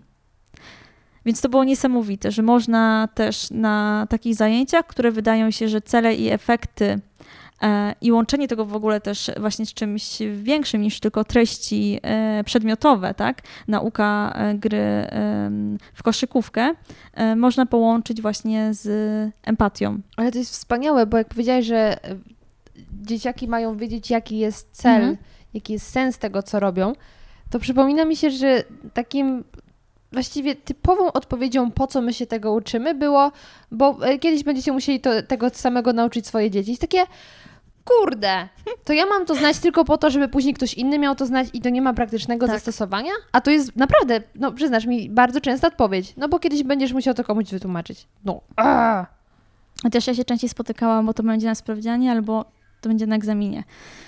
Właśnie, nauka pod egzamin. Tak, to jest jakby kolejny, e, kolejny punkt, który wiele może utrudniać. Może, Mhm. tym bardziej, że przynajmniej za moich czasów, więc i twoich, było tak, no że trzeba było iść z kluczem. Mhm. Czy dalej tak jest Oczywiście. na polskim? Aha, okej. Nadal tak jest. em, No to jak teraz łączysz to, żeby z jednej strony pozwolić dzieciakom myśleć, Mhm. bo myślenie w tych czasach może nas uratować, versus myśl, ale nie za bardzo, bo schemat. Okej. Więc ja nie wiem, wydaje mi się, że robię to bardzo, bardzo źle. E, I teraz mam nadzieję, że moi uczniowie, ich rodzice nie słuchają mnie. Da, da, da, da. Em, ale tak, opowiem e, jakby moje doświadczenia z zeszłego roku, bo ja miałam ogromny dylemat i w związku z tym, że jestem straszną przeciwniczką uczenia się tylko i wyłącznie do egzaminu, bo to po pierwsze zabija e, przyjemność samego uczenia się e, i no właśnie posz- poszerzenia swojej wiedzy, rozumienia siebie. E, Po drugie, jakby przygotowywanie się do samego egzaminu jest bardzo nudne, jest właśnie schematyczne e, i niewiele e, tak naprawdę wnosi. Ja mam wrażenie, że wtedy te 45 minut po prostu są straconym czasem, niczym więcej. Bo też po moich doświadczeniach to wcale nie jest tak, że trzeba zrobić e, 50 czy 100 czy więcej zadań egzaminacyjnych, żeby ten egzamin zdać dobrze. Po prostu. Jeśli e, uczeń potrafi myśleć, ma swoje zdanie, to napisze dobrze ten egzamin. Po prostu. E, więc ja na przykład e, przez pierwsze miesiące, wrzesień, październik, nie mówiłam nic absolutnie w ósmej klasie o egzaminie i o tym w ogóle nie rozmawialiśmy. Poza takimi momentami, kiedy po prostu się pytałam, co oni chcą dalej robić i tak dalej, i tak dalej. I jeśli dostałam sygnał od uczniów, że oni chcieliby coś zrobić do egzaminu, to dopiero zaczęłam to z nimi robić. E, z prostej przyczyny, Dlatego, że część e, na przykład o tym w ogóle nie myślała wcześniej, albo tylko rodzice w domu mi o tym mówili. I oczywiście rodzice e, od września chcieliby, żeby to przygotowanie do egzaminu, czyli analiza arkuszy, e, co jest bardzo ciekawe, e, w tym roku był pierwszy taki egzamin, więc jakby archiwalnych egzaminów nie było, tak? Przykładowe są z, z różnych wydawnic, ewentualnie te, które proponują komisje, Mm, więc mm, tych materiałów było bardzo mało, więc tak naprawdę nie mieliśmy za bardzo na, na czym e, ćwiczyć. Um, I mm, gdzieś e, na przełomie października, listopada musieliśmy zorganizować spotkanie takie ze mną i z matematyczką dla rodziców tej ósmej klasy, e, dlatego że rodzice mieli mnóstwo e, pretensji o to, tak, że no jak to, jeszcze nie robili żadnego egzaminu i tak dalej, i tak dalej. Więc ja się przygotowałam na, mm, na to spotkanie w taki sposób, że po prostu ja wiedziałam, po co uczę tych rzeczy, jaki jest sens. One są zgodne z podstawą programową. Podstawa programowa jest dokumentem też e, obowiązującym do egzaminu, czyli egzamin no, tworzy się na podstawie tej podstawy programowej, tak? Nie ma tam innych rzeczy e, spoza podstawy, więc jeżeli ja to realizuję na lekcji, no to e, przygotowuję ich tych samych do, do egzaminu. Um, ale rodzice nie mieli tylko o to pretensje, ale też o to, że na przykład uczniowie, mm, nie wiem, zamiast siedzieć w ławkach, e, siedzą na pufie, tak? Albo na przykład, że część siedzi na mm, korytarzu i to jest w ogóle już skandal, bo tak nie może być. Lekcje poza klasą były najfajniejsze i to się kojarzyło z tym, że idą wakacje i można troszeczkę wrzucić To był początek, tak, to był początek roku. E, W każdym razie e, to się wiązało z tym, na przykład te lekcje, bo też muszę to wytłumaczyć, że nie robiłabym tego na pierwszych, drugich zajęciach, w sensie o 8 czy 9 rano, tylko język polski mieliśmy na 7, 8 godzinie. Tragedia. Więc y, dzieciaki były tak zmęczone, po pierwsze psychicznie, po drugie zmęczone były sobą nawzajem. Więc jak coś robiliśmy na języku polskim, coś co wymagało na przykład przeczytania jakiegoś fragmentu, a potem po prostu uzasadnienia, co myślę o tym, tak? Y, to nie robiliśmy tego wszyscy razem siedząc w ławkach, od których już im e, tyłki odpadały. Naprawdę, to jest niewygodne. Proponuję nauczycielom, rodzicom siedzieć przez 8 godzin w takich ławkach i na takich krzesłach. Jestem bardzo ciekawa, czy, czy wytrzymają. Raczej nie. Um, więc po prostu pozwalałam. I jak były takie zadania mm, do samodzielnego zrobienia, czy na przykład w parach, czy w trójkach, to po prostu sobie cały czas chodziłam między tymi poszczególnymi, poszczególnymi wyspami, bo oni tak siedzieli na takie wyspy, tak? E, I przed tym zebraniem mm, ja zapytałam uczniów, zebrałam od nich informacje zwrotne, co jest ok, co ma pozostać, czego im brakuje, tak? A co kompletnie wywalić, bo to się w ogóle nie sprawdza. Więc ja byłam przygotowana w ten sposób, że miałam te odpowiedzi, natomiast nie musiałam ich użyć a myślałam, że będę mogła poczytać odpowiedzi, bo jestem, jako nauczyciel jestem dla moich uczniów, tak? Nie dla samej szkoły jako szkoły, e, dla dyrektora pod jakimś względem owszem, ale w klasie jestem z moimi uczniami, tak? I to ich głos przede wszystkim jest dla mnie ważny. Boże, jak ty, jak ty pięknie mówisz, moi uczniowie, to szczerze, ja jestem totalnie poruszona, że ty tak cudownie podchodzisz do tych ludzi i żałuję, że nie miałam takiego nauczyciela, bo ja miałam kilku nauczycieli, których wspominam dobrze, mhm. ale nie, nie jest, chyba nie mogę powiedzieć, że mnie jakoś ukształtowali. Mhm. Um, na przykład, no, moim ulubionym przykładem nauczyciela, którego bardzo szanuję, był pan od chemii, który na pierwszych zajęciach w liceum powiedział, a byłem na biochemię, powiedział nam, że jest tylko jedna sytuacja, kiedy możemy opuścić chemię. Mhm. Jest to pogrzeb nasz. Słuchaj, od poniedziałku do środy wszyscy byli e, obecni, później można było dopiero chorować, ponieważ to był człowiek, który no, był mhm. starej daty, taki kiedyś komunista i nie było z nim żartów, ale naprawdę ja wiedziałam, że jak on mnie uczy, to ja umiem mhm. i pochwała z jego strony była czymś niesamowitym i też widać, że nas lubił i mhm. zależy mu na nas, ale nie było wielu takich nauczycieli i chociaż moja y, polonistka właśnie, mhm. która też była moją wychowawczynią w liceum, ona naprawdę nas lubiła jako ludzi, ludzi jako mhm. dzieciaki i godziny wychowawcze były super. Z polskiego za dużo nie wyniosłam, ale y, na polskim naprawdę porusza, y, na godzinie poruszała mhm. bardzo ważne tematy, które większość ludzi miała w poważaniu, ale mhm. jakby się jej posłuchało, to naprawdę mówiła mądre rzeczy. I tak teraz ciebie słucham i sobie myślę, kurde, w szkole spędza się większość życia, tak. przynajmniej na początku. I naprawdę jest niezwykle ważne to, jakie mamy mhm. wzorce. Mhm. Bo tak. jak przebywamy, środowisko ma ogromny wpływ. I kiedy widzisz, że masz taki support, takie zrozumienie, że ktoś stanie za tobą murem, a nie sytuację, w której ciągle musisz z kimś walczyć, mhm. ciągle się bronić, no ktoś ci uprzykrza, uprzykrza życie. Ja nawet w mojej rodzinie mam sytuację, kiedy nauczyciele byli przeciwko e, mhm. uczniowi. No to to jest złoto. I taka szkoła faktycznie daje jakąś wartość, bo pomijając tą wiedzę, która w większości się nie przyda. No nie oszukujmy się, polski to w ogóle. Wszystko jest w internecie. Wszystko jest w internecie. Właśnie w czasach, kiedy wszystko jest w internecie, to ta szkoła no, musi dawać inne rzeczy i mhm. musi dawać to, czego właśnie brakuje uczniom, tak. a brakuje komunikacji. Tak, tak.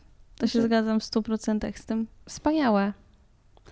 No, a ma to też swoje cienie. No właśnie, cienie.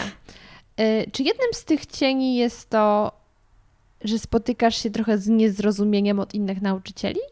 Tak, jest. Jest to jeden e, z takich, no z takich stron, które nie są, e, nie są najjaśniejsze. E, natomiast w moim pokoju nauczycielskim ja mam same świetne osoby. E, naprawdę tak mogę powiedzieć. I pewnie gdyby sytuacja w pokoju nauczycielskim, atmosfera była inna, to pewnie zmieniłabym to miejsce, bo nie mogę pracować z kimś, kto e, no, nie daje mi zrozumienia. Nawet jeśli się nie zgadzamy w pewnych kwestiach, nawet jeśli uczymy inaczej, a tutaj tak jest, to wspieramy się nawzajem. I to jest bardzo, bardzo ważne e, i w środowisku nauczycieli przede wszystkim potrzebne, też ze względu na to, jak ten zawód w ogóle jest postrzegany przez społeczeństwo. No i tak jak mówiłam, inaczej uczymy i bardzo często też słyszę, a po co to robisz? Już odpuść. To nie ma sensu, tak? Że jesteś jeszcze młoda, to ci się jeszcze chce. Tak, I też. że świata nie zwalisz. To też. I też to słyszę od y, mm, moich koleżanek, e, ale których ja uważam bardziej za mentorki, bo są e, i e, starsze wiekiem i mają większe doświadczenie i na przykład ja z nimi też bardzo dużo rozmawiam i o no, wielu rzeczy jak nie wiem, nie jestem pewna, to po prostu się ich pytam, tak? Co one by zrobiły w tej sytuacji? Albo no właśnie jak widzą, że w coś za bardzo się angażuje, a to jest, wydaje mi się, że w moim przypadku jakby jedna z tych rzeczy, która dla mnie jest najtrudniejsza, e, to żeby jednak oddzielać pracę od, ym, od życia. Tak? Życie jest gdzieś indziej, nie, e, nie tylko w szkole. Więc na przykład po tym całym roku mm, mam taką refleksję, że mm, trzeba robić to, co się robi, robić to najlepiej, e, natomiast nie przynosić tego wszystkiego też tak psychicznie, emocjonalnie do domu, bo wtedy kompletnie się nie ma życia. E, A niestety u mnie, e, u mnie tak było, trochę się tym zachłysnęłam, że w końcu mogę robić wszystko po swojemu, tak jak chcę, tak jak lubię, ale koszty tego są duże, naprawdę. E, Też na przykład e, jedną z takich rzeczy dla mnie trudną, było to, że e, w ósmej klasie próbowałam coś zmienić, e, zmienić mianowicie trochę podejście do, do ocen, tak. E, Oni przez tyle lat byli karmieni tym, że oceny, przede wszystkim się liczą oceny, jeżeli coś robić, to tylko na ocenę, a jeżeli nie ma oceny, to bez sensu, po co to robić. Więc nad tym bardzo długo pracowałam i e, ja też nie myślałam o tym, że okej, muszę zaakceptować to, że nie będzie się to wszystkim podobać i że nie uda mi się tego zrobić tak, jakbym chciała, tak? I że w pojedynkę to sobie mogę robić takie rzeczy, ale mm, może to nie przynieść żadnego skutku. I tutaj na przykład głos właśnie innych nauczycieli i tutaj e, przede wszystkim pomógł mi e, tekst Maćka Jąka, który jest psychologiem i też uczy w szkole, który napisał tekst o innowacji, o tym, że nie wszyscy muszą jej chcieć. Tak, i że trzeba po prostu wziąć też pod uwagę to, że nasi odbiorcy tych innowacji mogą mieć trochę inne potrzeby. Więc em, warto też e, jakby na to spojrzeć, w sensie z czym my przychodzimy, czego oczekujemy, ale też właśnie myśleć o tym, na ile jest to potrzebne no właśnie naszym uczniom, tak? Na ile tego faktycznie potrzebują. Czy to bardziej wynika z tego, że ja jako nauczyciel mam taką potrzebę realizowania tego, e, czy, mm, czy może jednak e, zmiana kierunku e, przyniesie lepsze efekty. I ja miałam tak z ósmą klasą, że w pewnym momencie stwierdziłam, że no dobra, skoro robię to w ten sposób i to nie działa, ja się denerwuję, tak? Oni różnie do tego podchodzą, to spróbuję inaczej.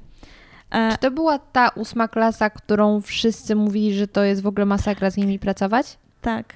A ty Tak. powiedziałeś, że nie boisz się i próbujesz? Tak, to właśnie to jest ta moja, moja ukochana klasa, tak mogę e, o niej mówić, e, bo bardzo denerwuje mnie to, jak, e, jak generalizujemy ludzi mm, i jak łatwo e, przyczepiamy łatki i jak łatwo poddajemy się opinii innym, tak? E, Ja pierwszego dnia szkoły usłyszałam to. Pierwszy dzień, kiedy przyszłam i miałam wejść do tej klasy, chwilę przed tym usłyszałam, idziesz do najgorszej klasy. Jak na filmie amerykańskim, nie? Trochę się tak poczułam. Natomiast nie było, nie było tak źle. E, Ja też właśnie starałam się przede wszystkim w uczniach zobaczyć e, człowieka, który też ma jakieś potrzeby, przychodzi z jakimś doświadczeniem, tak? E, zarówno z tym zgromadzonym przez kilka lat, jak i z tym nawet porannym, tak?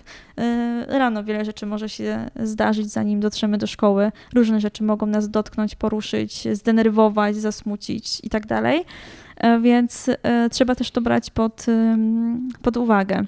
Ale poczekaj, jak oni ci powiedzieli, że to jest najgorsza klasa, że w Mhm. ogóle najgorszy sort, to co, mieli na mi- co mieli na myśli? Że to są ludzie, którzy po prostu nie chcą się uczyć, czy obrażają nauczycieli, czy przeszkadzają? E, To jest bardzo też złożone, e, złożone zagadnienie, dlatego że w tej klasie było mnóstwo agresji i przemocy. E, Słownej, e, głównie słownej, ale też momentami zahaczała o fizyczną. W stosunku do nauczyciela, czy między sobą? Nie, między sobą. To była głównie rówieśnicza, ale przekładała się na e, organizację zajęć, na to, że na przykład były takie osoby, które no, mm, w jakiś tam sposób niemiły odpowiedziały nauczycielowi i to jest jakby kwestia tego, w jaki sposób reagujemy na to. Jak do tego podchodzimy. Ja pamiętam, że gdzieś na drugiej lekcji z tą klasą mm, e, zrobiłam z nimi takie zadanie. Ja do tej pory to wspominałam, dlatego że e, jakby to w jakiś sposób obrazuje e, pewne rzeczy. Natomiast tak, oni chcieli tutaj w tym zadaniu na początku sprawdzić też moje granice, to na ile mogą sobie pozwolić i co z tego wyniknie. Rozmawialiśmy, mieliśmy rozmawiać o tekście Mrożka Artysta.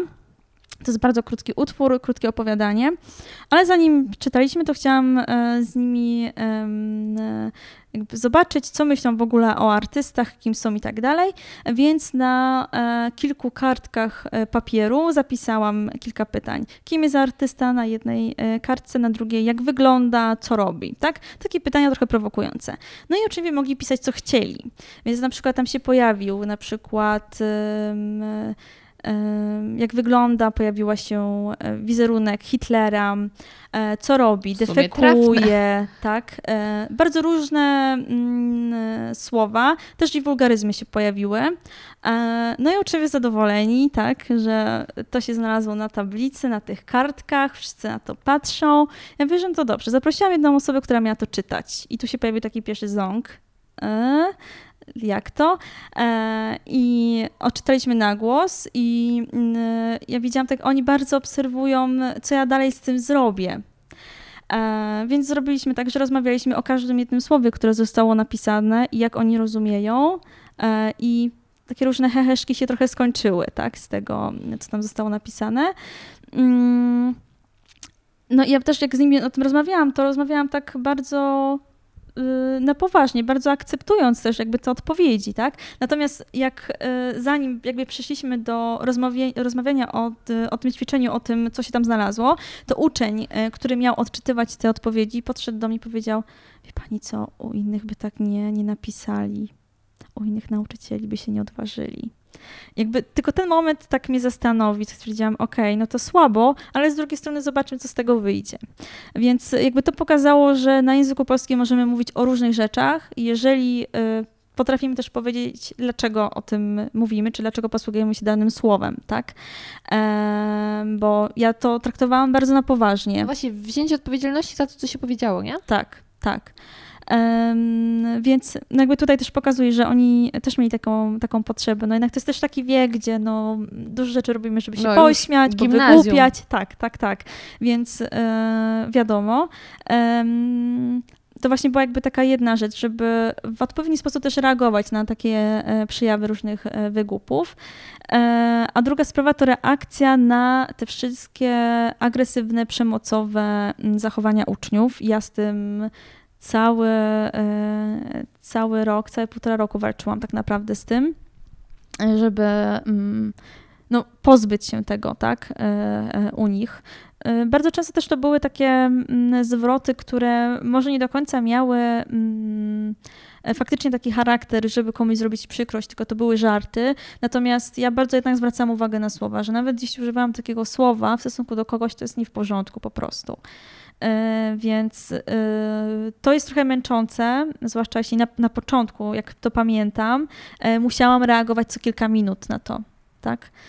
I obierałam też różne strategie reagowania na to.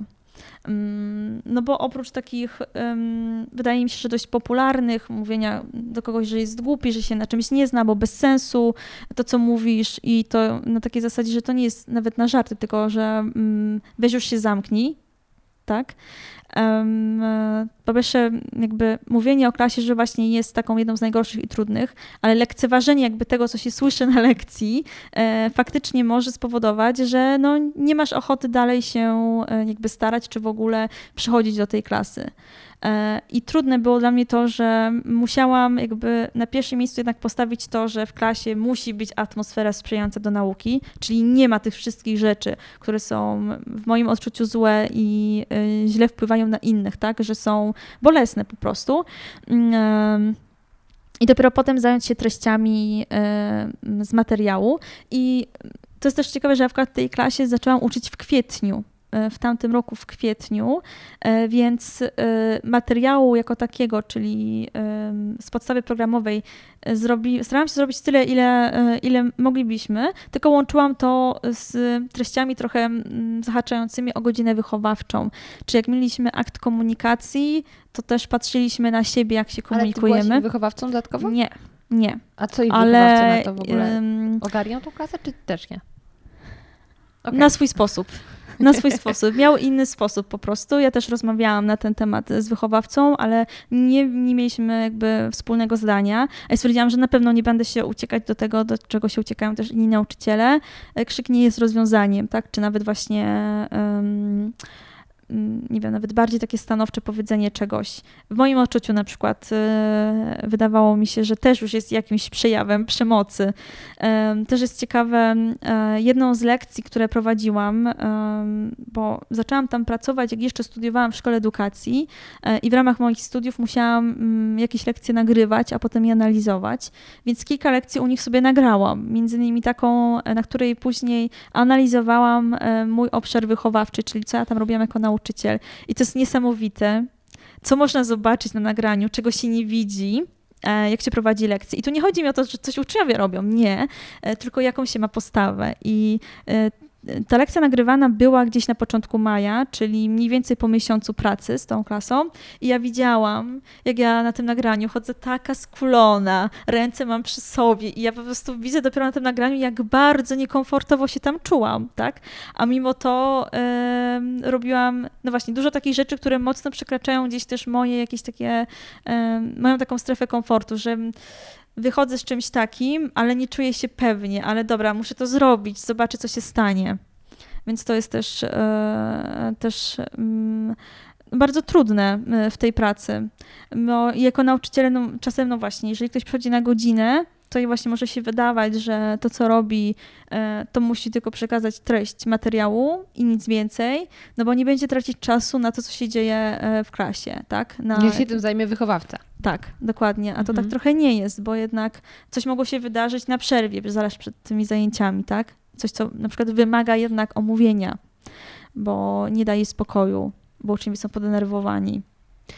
Y, w tej szkole jesteś półtora roku. Mhm. I łącznie uczysz półtora roku, czy to już będzie więcej, jak uczysz? E, także uczę, uczę. E, a to jest no, też trudne pytanie. Także w szkole, że mam swoją klasę, to od półtora roku. Natomiast wcześniej, podczas studiów, miałam bardzo wiele godzin praktyk mhm. i w mhm. szkole edukacji, ja już tak mogę też traktować jako już uczenie, e, dlatego że e, studia podyplomowe, które sobie robiłam i dla których się tutaj przeprowadziłam do Warszawy. A jaki to był y, specjalizacja tych? To jest bardzo ciekawe, to jest po prostu nowoczesne nauczanie, tak w o. skrócie. To w zasadzie przygotowanie takie pedagogiczne. E, do tej pory ten, teraz rocznik, który kończył w, w czerwcu mm, e, swoje studia, był tylko dla polonistów i dla matematyków, natomiast od tego roku są e, też dla biologów, e, chemików, historyków i nauczycieli WOS-u, więc rozszerzają jakby swoją, swoją ofertę. I teraz powiem krótko o tych studiach, bo to jest bardzo ciekawe doświadczenie i ja myślę, że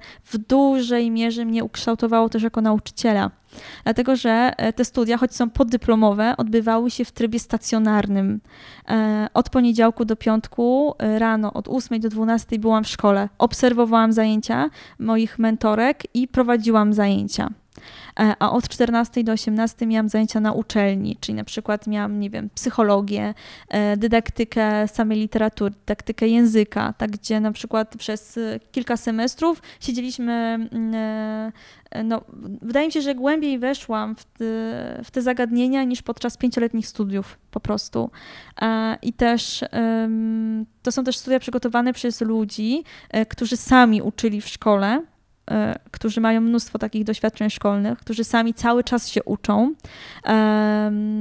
Współpracują e, też z nauczycielami z innych państw, więc jakby też taka wymiana doświadczeń powoduje, że no, powstaje zupełnie nowa jakość no ale przede wszystkim też ta praktyka i wsparcie od tutora. Co dwa tygodnie e, każdy ze studentów mm, spotykał się ze swoim tutorem, e, rozmawiał o tym, co się wydarzyło przez te, 12, przez te dwa tygodnie i mógł też rozmawiać o tym, na przykład, nie wiem, nad czym teraz chcę pracować, tak? Więc to jest niesamowite doświadczenie właśnie dla nauczyciela, czy dla osoby, która chce zostać nauczycielem, albo na przykład e, jest nauczycielem, ale widzi, że czegoś mu brakuje, chciałby jeszcze się doszkolić.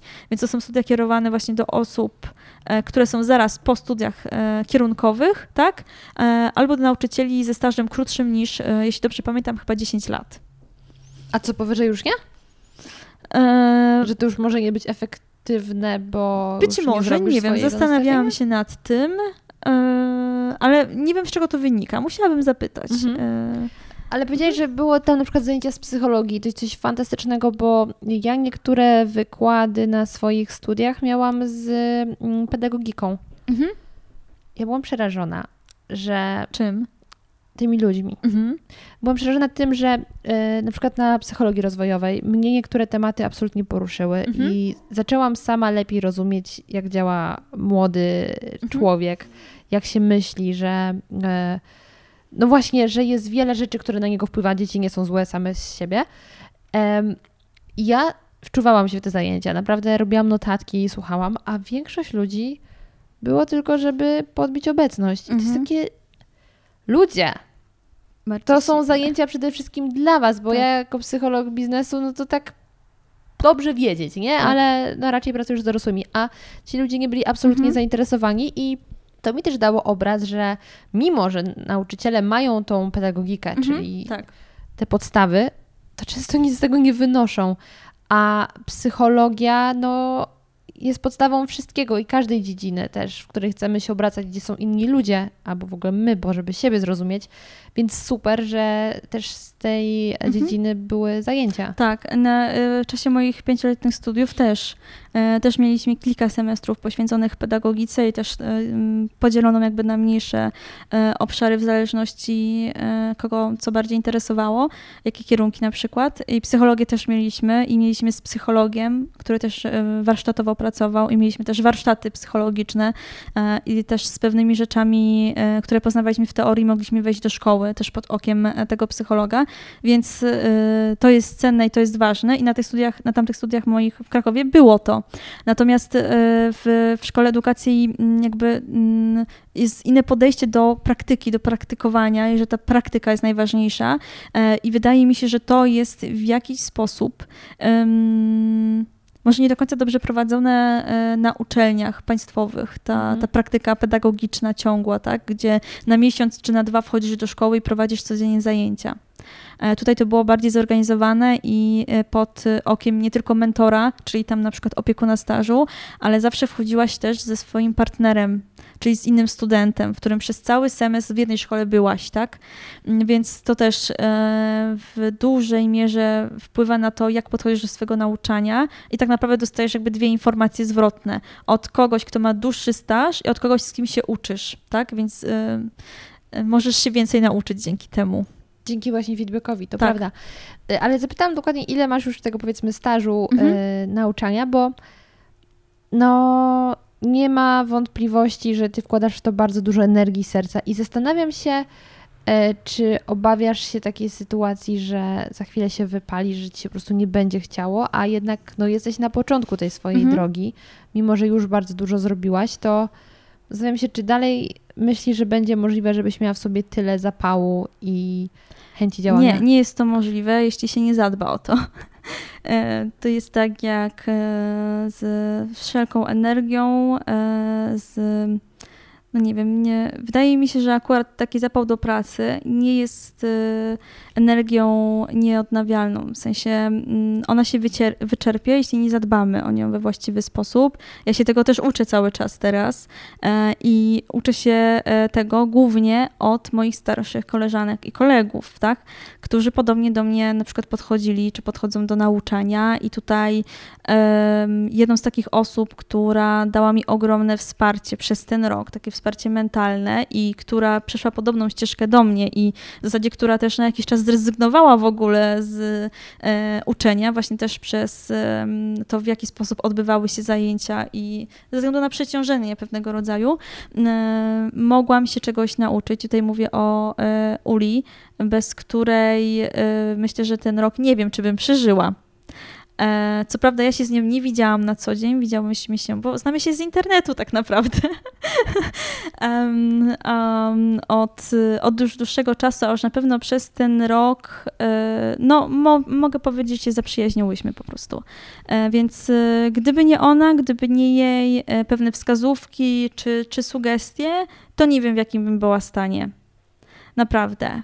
I zaangażowanie jest ważne, natomiast trzeba dbać o jakieś granice i mm, trzeba robić też inne rzeczy, żeby się nie wypalić.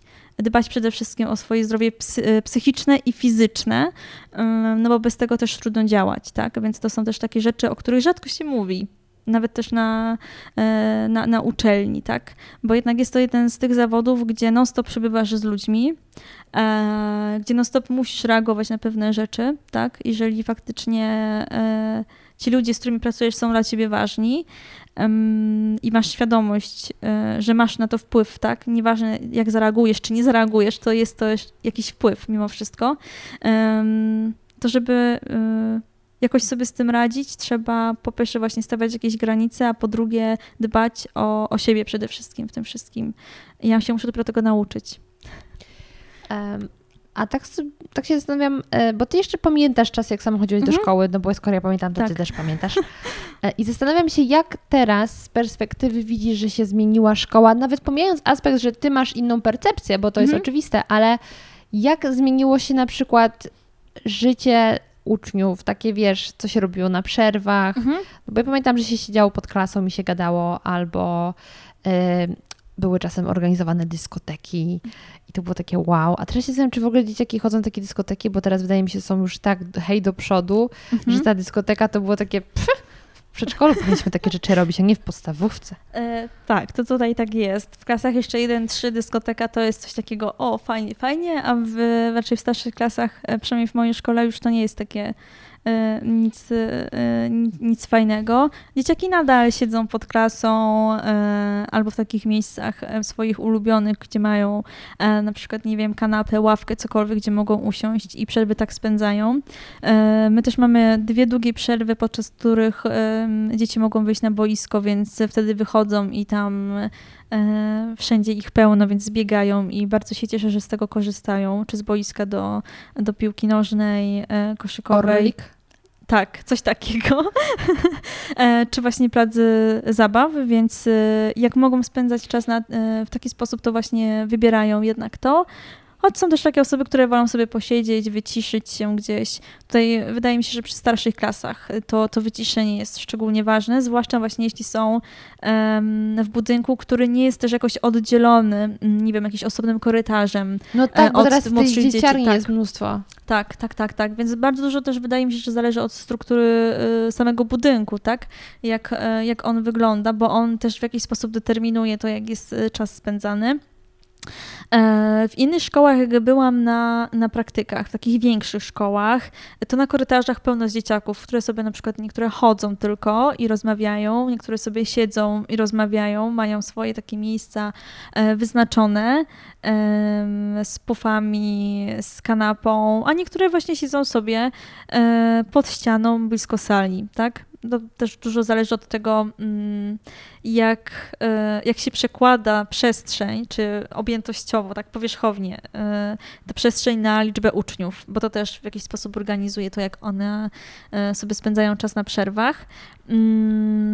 Mm, co się jeszcze zmieniło? No na pewno, jeżeli u nas w szkole jest tak, że jest ogólnie zakaz korzystania z telefonów, z tabletów i tak dalej, uczniowie w ogóle nie powinni przynosić ich do, do szkoły. Nie chcę teraz tego oceniać w żaden sposób, Mm, więc... Ja nie wyobrażam sobie pójść bez telefonu do szkoły, chociażby z tego względu, że dla mnie to jest e, komunikator z rodzicami. Mhm. No niech coś się stanie, to nawet w drodze powrotnej, no to mhm. jak oni się dowiedzą, jak nie zadzwonię? Tak. Więc e, no na pewno, jeżeli mają telefony, to nie mogą też na przerwach z nich korzystać, więc w grę wchodzi e, zjedzenie kanapki, rozmowa e, z kolegą, koleżanką, e, ewentualnie poczytanie czegoś. Mm, to jest też kwestia, jak długo przerwy trwają, tak? I ile się ma tego czasu. Natomiast wydaje mi się, że niewiele się to zmieniło od czasów, kiedy ja chodziłam do szkoły. A jak tematy, którymi żyją mhm. dzieciaki? Bo powiem Ci, że nie wiem, czy to jest kwestia tego, że ja pochodzę z małej miejscowości, więc też życie wyglądało inaczej, powiedzmy, niż w Warszawie, więc tematy były inne, ale mam wrażenie, że wtedy się no nie było jakichś takich Mhm. większych problemów. Okej, oczywiście e, akurat miałam taką ekipę, z którą mieliśmy rozkm- życiowe rozkminy o życiu, tak to się wtedy u nas nazywało. I gadaliśmy o jakiejś religii czy coś, Mhm. ale e, no jakoś mnie ominął osobiście temat jakichś problemów z alkoholem, Mhm. narkotykami, z jakimś e, znęcaniem się nad kimś i mam wrażenie, że wtedy bardziej można było być jeszcze dzieckiem, Mhm. a teraz też w dobie internetu, no kiedyś nie było takiego Tak. internetu jak teraz, więc ludzie nie gadali o youtuberach Mhm. i dziwnych rzeczach, które się dzieją w internecie, więc zastanawiam się, jak te tematy teraz wyglądają. Czy dzieciaki są bardziej dorosłe? A, to jest trudne pytanie. E, Wydaje mi się, że w dużej mierze będzie to zależeć mimo wszystko od szkoły, od, e, od domu na pewno. E, I mogę na razie mówić tylko jakby o tym środowisku, które jest mi najbliższe i co ja słyszę na korytarzu. Może tak. Mm, e, Natomiast nie chcę generalizować, bo jakby czynników jest wiele, które chyba wpływa na to. E, Natomiast tak, na pewno różne afery z youtuberami i z tym, co się dzieje w świecie internetu, o tym się rozmawia. I to słyszę głównie w klasach starszych, tak, które często korzystają z tego, albo sami myślą o takiej karierze, albo mają już swoje kanały.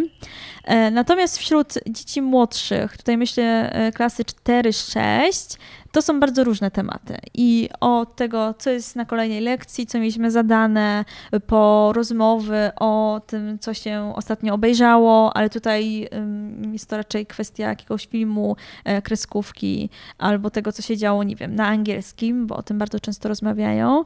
E, tam się fajnie rzeczy dzieją po prostu. Dlatego. Raczej rozmawiają o takiej, o takiej swojej codzienności mm, i widać na przykład to, że mm, część dzieci e, mocniej siedzi w tym świecie internetowym, a część mm, jakoś tak tylko gdzieś tam go e, lekko dotknie albo, albo w ogóle, tak? Bo na przykład rozmawiałam o grze, którą klasowo grają wręcz, więc e, rozmawiałam tam o różnych poziomach, o tym, co zbudowali i tak dalej. E, A, a to już trochę, troszkę starsze dzieciaki już rozmawiają raczej o tym, co się w ogóle dzieje tak, w tym świecie e, internetowym. E, Pytanie na to, czy, czy mają, czy rozmawiają o bardziej dorosłych problemach. Czy to jednak Może, może ja nie słyszałam, ale wydaje mi się, że na pewno rozmawiają o, o, o takich trudnych, dorosłych problemach, choćby też z tego powodu, mm, że na przykład na lekcji e, języka polskiego, jednych z końcowych lekcji, jakie e, miałam, w zasadzie to uczniowie prowadzili te lekcje, bo chcieli sobie poprawić ocenę, więc prowadzili lekcje. Oglądaliśmy jeden z odcinków e, Czarnego Lustra. Uczennica przygotowała mm, pytania, które jakby kierują oglądaniem, tak? I to był odcinek Twoja, twoja cała historia z ziarnem. Nie wiem, czy oglądałaś, to było chyba z drugiego sezonu, mniejsza. W każdym razie jakby sam temat, mocno też... e, E, co tam mniej więcej chodzi? Bo może oglądałam, tylko ja słabo w tytuły jestem. Em, Ziarno, mm, czyli mieliśmy taką wszczepioną e, pamięć, mm, która wszystko nagrywała mm, i mogliśmy odtwarzać w dowolnym momencie, przywoływać jakieś e, wydarzenie i że U. chcieliśmy tak analizować. Więc odcinek był e, bardzo ciekawy e, i uczniowie byli bardzo zaintrygowani i mm, mocno ich to też pobudziło do, do rozmowy o tym. No i teraz, skoro uczennica ósmej klasy to puściła, no to też jak z nią rozmawiałam, to ja wiem, że na przykład ona ogląda. Tak, i pozostałe, pozostałe sezony, i wiem, że na przykład takie rzeczy ją interesują, czyli też problemy etyczne związane na przykład z nową technologią. kaliber. Tak, i y, uczniów też to interesuje. Też jak czytamy teksty na lekcji um, i w nich się zapala um, jakaś taka myśl, że na przykład coś jest niezgodne albo coś jest niefajnego, to też o tym rozmawiamy. Więc oni mają dorosłe dylematy, niekoniecznie o tym na przerwach rozmawiają, albo niekoniecznie przy nauczycielu. Mhm. A czy oni są e, świadomi tego, że ty na przykład jesteś w internecie? Y, tak, część tak. I co, śledzą cię? Niektórzy tak. A ty podglądasz czasem swoich uczniów, co robią? Y, wolę nie. Znaczy nie, no, podejrzę, żeby zobaczyć e, jakby w jaki sposób się prezentują tam, tak? E, co, jakby co chcą przekazać światu, bo jednak istotne, żeby wiedzieć, natomiast nie, nie obserwuję ich, nie, nie śledzę na bieżąco, bo wydaje mi się, że to jest też taki obszar jakby trochę ich prywatności, bo jak ja sobie prowadzę blog i mam publicznego Instagrama, to jest trochę inaczej niż e, prywatny profil. No tak? to wiadomo, tak, tak. Więc wiem, że część tak, że część mnie, e, część gdzieś tam mnie śledzi, gdzieś mnie obserwuje, gdzieś mnie słucha i nie wiem, jak to potem się przekłada na lekcje, bo bardzo rzadko się do tego odnoszą, tak? A jak już to na przykład, a robi Pani teraz zdjęcie, żeby to wrzucić do internetu, no tak. A ciekaw jestem, czy sama polecasz im jakieś treści, kanały, czy w ogóle podcasty? Mhm. Czy twoi uczniowie w ogóle słuchają podcastów? E, mamy, e, nie wiem jakich słuchają mm, e, i czy, czy robią to regularnie. Natomiast bardzo często polecam im w ogóle mm, sięganie do takich tekstów kultury, które są wokół nas, czyli na przykład, nie wiem, jak znajdę jakiś ciekawy reportaż, to czytamy go, tak, z czasopisma, które gdzieś tam uważam, że jest ciekawe, to możemy sobie przeczytać, o tym opowiedzieć. Tak samo jest z filmami na YouTubie i w zasadzie um, staram się ich też przekonać do tego, że właśnie można się uczyć w różny sposób, tak? Nie tylko przychodząc do szkoły. Jeżeli chcą się właśnie uczyć z internetu, bo też mi mówili, że wszystko jest w internecie, to po co się uczyć, po co szkoła, no to mówię, że no okej, okay, tylko trzeba wiedzieć, e, co jest godnym zaufania źródłem, tak? Żeby się tego uczyć, a nie czytać wszystko Albo bezkrytycznie. mieć jakieś podstawy, żeby wiedzieć, że w ogóle jest zagadnienie, które można zgłębić. Tak, tak, tak, tak. Fajnie. Więc staram się takie rzeczy przeplatać jak najbardziej. Czy nie tylko podręcznikową, nie tylko książki, ale całe inne dobro. Teraz z perspektywy nauczyciela, mhm. czego ci najbardziej brakowało, y, jak sama byłaś uczniem? Um, dobrych informacji zwrotnych. Wydaje mi się, że informacji zwrotnych, które, w których jest informacja, co zrobiłam ok, a nad czym muszę popracować, przynajmniej nad inną e, rzeczą, bo e, sama ocena cyfrowa niewiele mi mówiła, tak? Tylko raczej dawała mi takie poczucie, o słabo, czuję się źle z tym, albo jest dobrze, o super, ale tak naprawdę nie znam konkretów, tak? Bo to, że nauczyciel sobie coś przekreśli na sprawdzianie, to jakby niewiele to daje, więc przede wszystkim wydaje mi się, że takiej informacji zwrotnej e, i mm, patrzę sobie tam na różne, e, na różne poziomy, bo wydaje mi się, że w szkole podstawowej raczej dobrze się czułam i wydaje mi się, że wszystko mi pasowało i było ok. E, w gimnazjum owszem. I też wydaje mi się, że akurat moje gimnazjum mimo że wiele się tam działo dziwnych rzeczy też ze strony uczniów, naprawdę bardzo dziwne rzeczy się działy i to też w mojej klasie, to mam wrażenie, że nauczyciele sobie z nami świetnie radzili.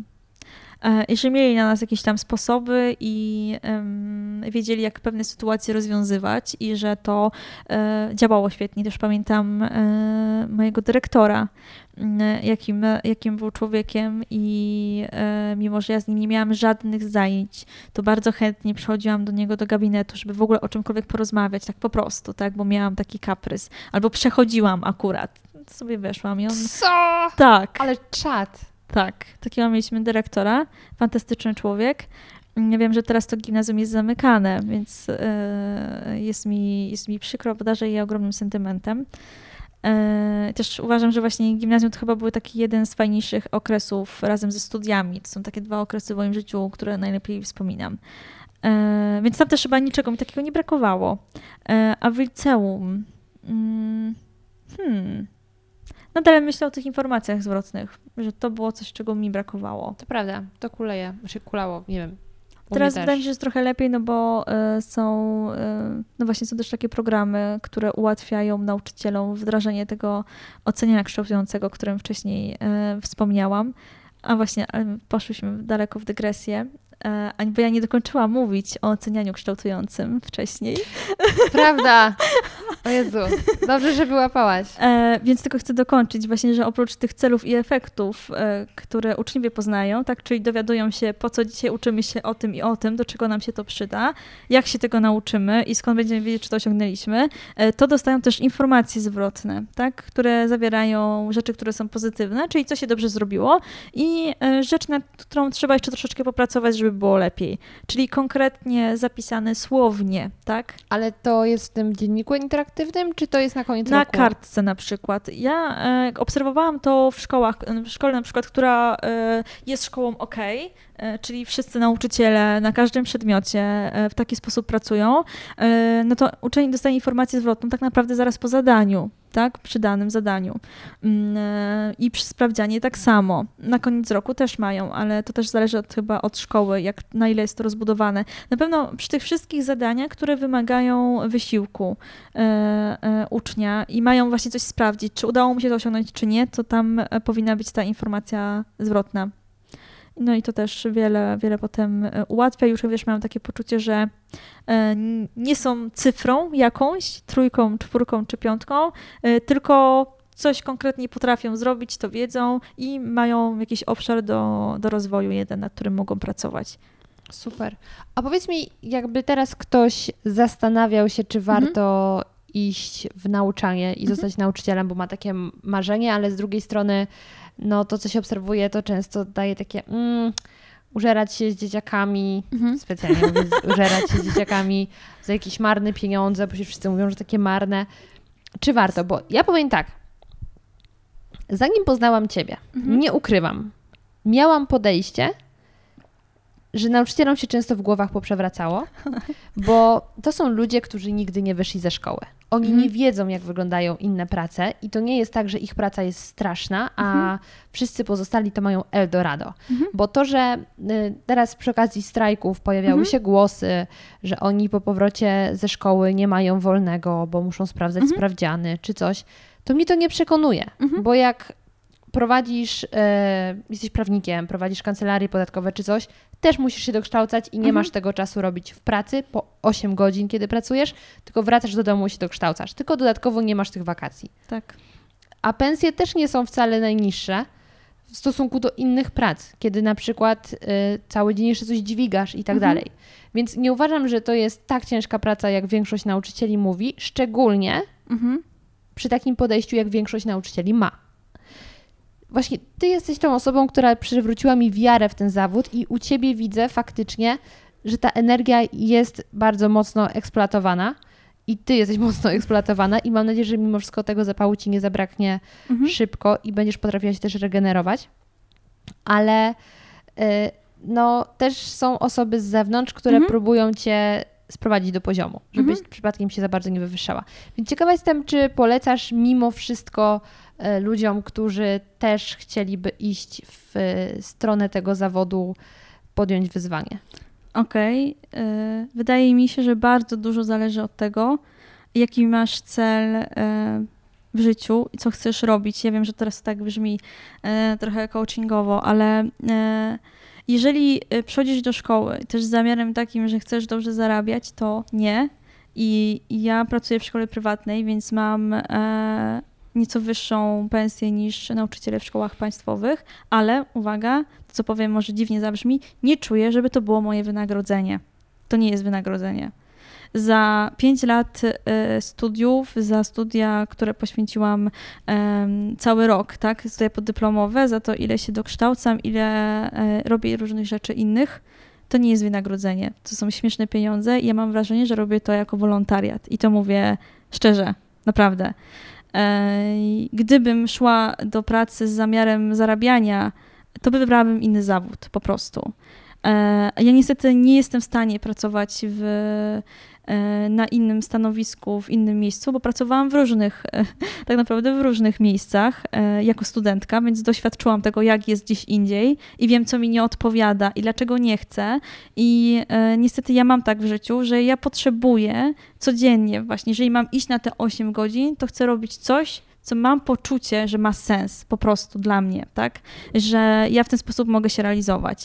E, więc jeśli wydaje mi się, że te osoby, które chcą zostać nauczycielami, to muszą wiedzieć, przynajmniej mieć takie przekonanie albo takie poczucie, że to będzie w jakiś sposób dawać im satysfakcję. I teraz wiem, że to znów brzmi misyjnie i wizyjnie i tak dalej. Mimo wszystko polecam spróbować. Jeśli się to nie sprawdzi, jeżeli uznają, że to nie jest to, to czym prędzej wtedy zmienią tę pracę. I wydaje mi się, że to jest, to jest e, takie podejście, że trzeba spróbować, e, z też takim założeniem, że może się nie spodobać i wtedy po prostu wybrać coś innego. Bo ja też właściwie nie dopowiedziałam, a to też mhm. jest e, kluczowe, że ta moja opinia wynika z faktu, że moja mama była nauczycielką, mhm. więc ja też słuchając jej i jej doświadczeń ze szkołą, właśnie na takie stwierdzenia sobie pozwalam, mhm. ale Moja mama była nauczycielem absolutnie z powołania i z mhm. pasji i ona właściwie do dziś żałuje decyzję, decyzji, że y, zajęła się czymś innym, porzuciła ten zawód, mhm. ale pracowała też z trudnymi uczniami i ona właśnie miała dokładnie takie podejście jak ty do dzieciaków, że to są ludzie, z którymi trzeba rozmawiać, próbować ich zrozumieć, a te pieniądze mhm. są, bo są, tak. mogły być wyższe, natomiast liczy się to, co się robi. Tak. E, I ja życzę światu, przyszłym pokoleniom i obecnym, żeby takich nauczycieli jak ty było jak najwięcej. E, bo przywracasz mi taką wiarę w to wszystko, bo faktycznie szkoła, nawet jeśli nas nie kształtuje do końca, to ma na nas duży wpływ. Tak. I e, dobrze, żeby te lata nie były zmarnowane. Zgadzam się z Tobą w 100%. Także życzę Ci wytrwałości, zdrowia, silnego gardła żebyś Dziękuję. nie traciła głosu i żebyś dalej miała poczucie sensu tego, co robisz. Dziękuję. Dziękuję. No i oczywiście wszystkich zapraszam na Twój Instagram i na Twojego bloga. Również zapraszam. I też myślę, że jak są to jakieś osoby, które zastanawiają się nad pracą nauczyciela i miałyby jakieś do Ciebie pytania, to też możecie zostawiać je pod tym filmikiem albo napisać do mnie, to ja też Ci je przekażę. Świetnie. I tyle. Bardzo, bardzo, bardzo dziękuję. Również bardzo Ci dziękuję. Bardzo miło mi było. I jak wrażenia? Mam nadzieję, że dowiedzieliście się wielu ciekawych rzeczy z tego podcastu, że jeśli podobnie jak ja dotychczas mieliście wątpliwości, czy są jeszcze nauczyciele z pasją, z powołaniem, są i jest ich całkiem sporo, tylko często stoją gdzieś w cieniu, ale odwalają kawał dobrej roboty. Jeśli sami jesteście nauczycielami albo myślicie o tym, aby zostać nauczycielem, to zachęcam Was do śledzenia Samanty w internecie. Prowadzi na bloga edukacjaspasją.pl, a także jest na Instagramie Samanta podkreśnik Dryja podkreśnik Zabielska. Wszystkie linki znajdziecie w opisie tego odcinka. Jeśli natomiast chcielibyście pozostać w kontakcie ze mną, to znajdziecie mnie na Facebooku podcast radioaktywny, a także na Instagramie zmaczne.go. Tam codziennie witam się z Wami. Dzień dobry, dzień dobry i staram się przekazać jak najwięcej pozytywnej energii. I na koniec pamiętajcie, że jeśli lubicie słuchać podcastu radioaktywnego, to koniecznie powiedzcie o nim swoim znajomym. Niech oni również zakochają się w podcastach, a także, kto wie, być może polubią poniedziałki. Bardzo Wam dziękuję i do usłyszenia już niedługo.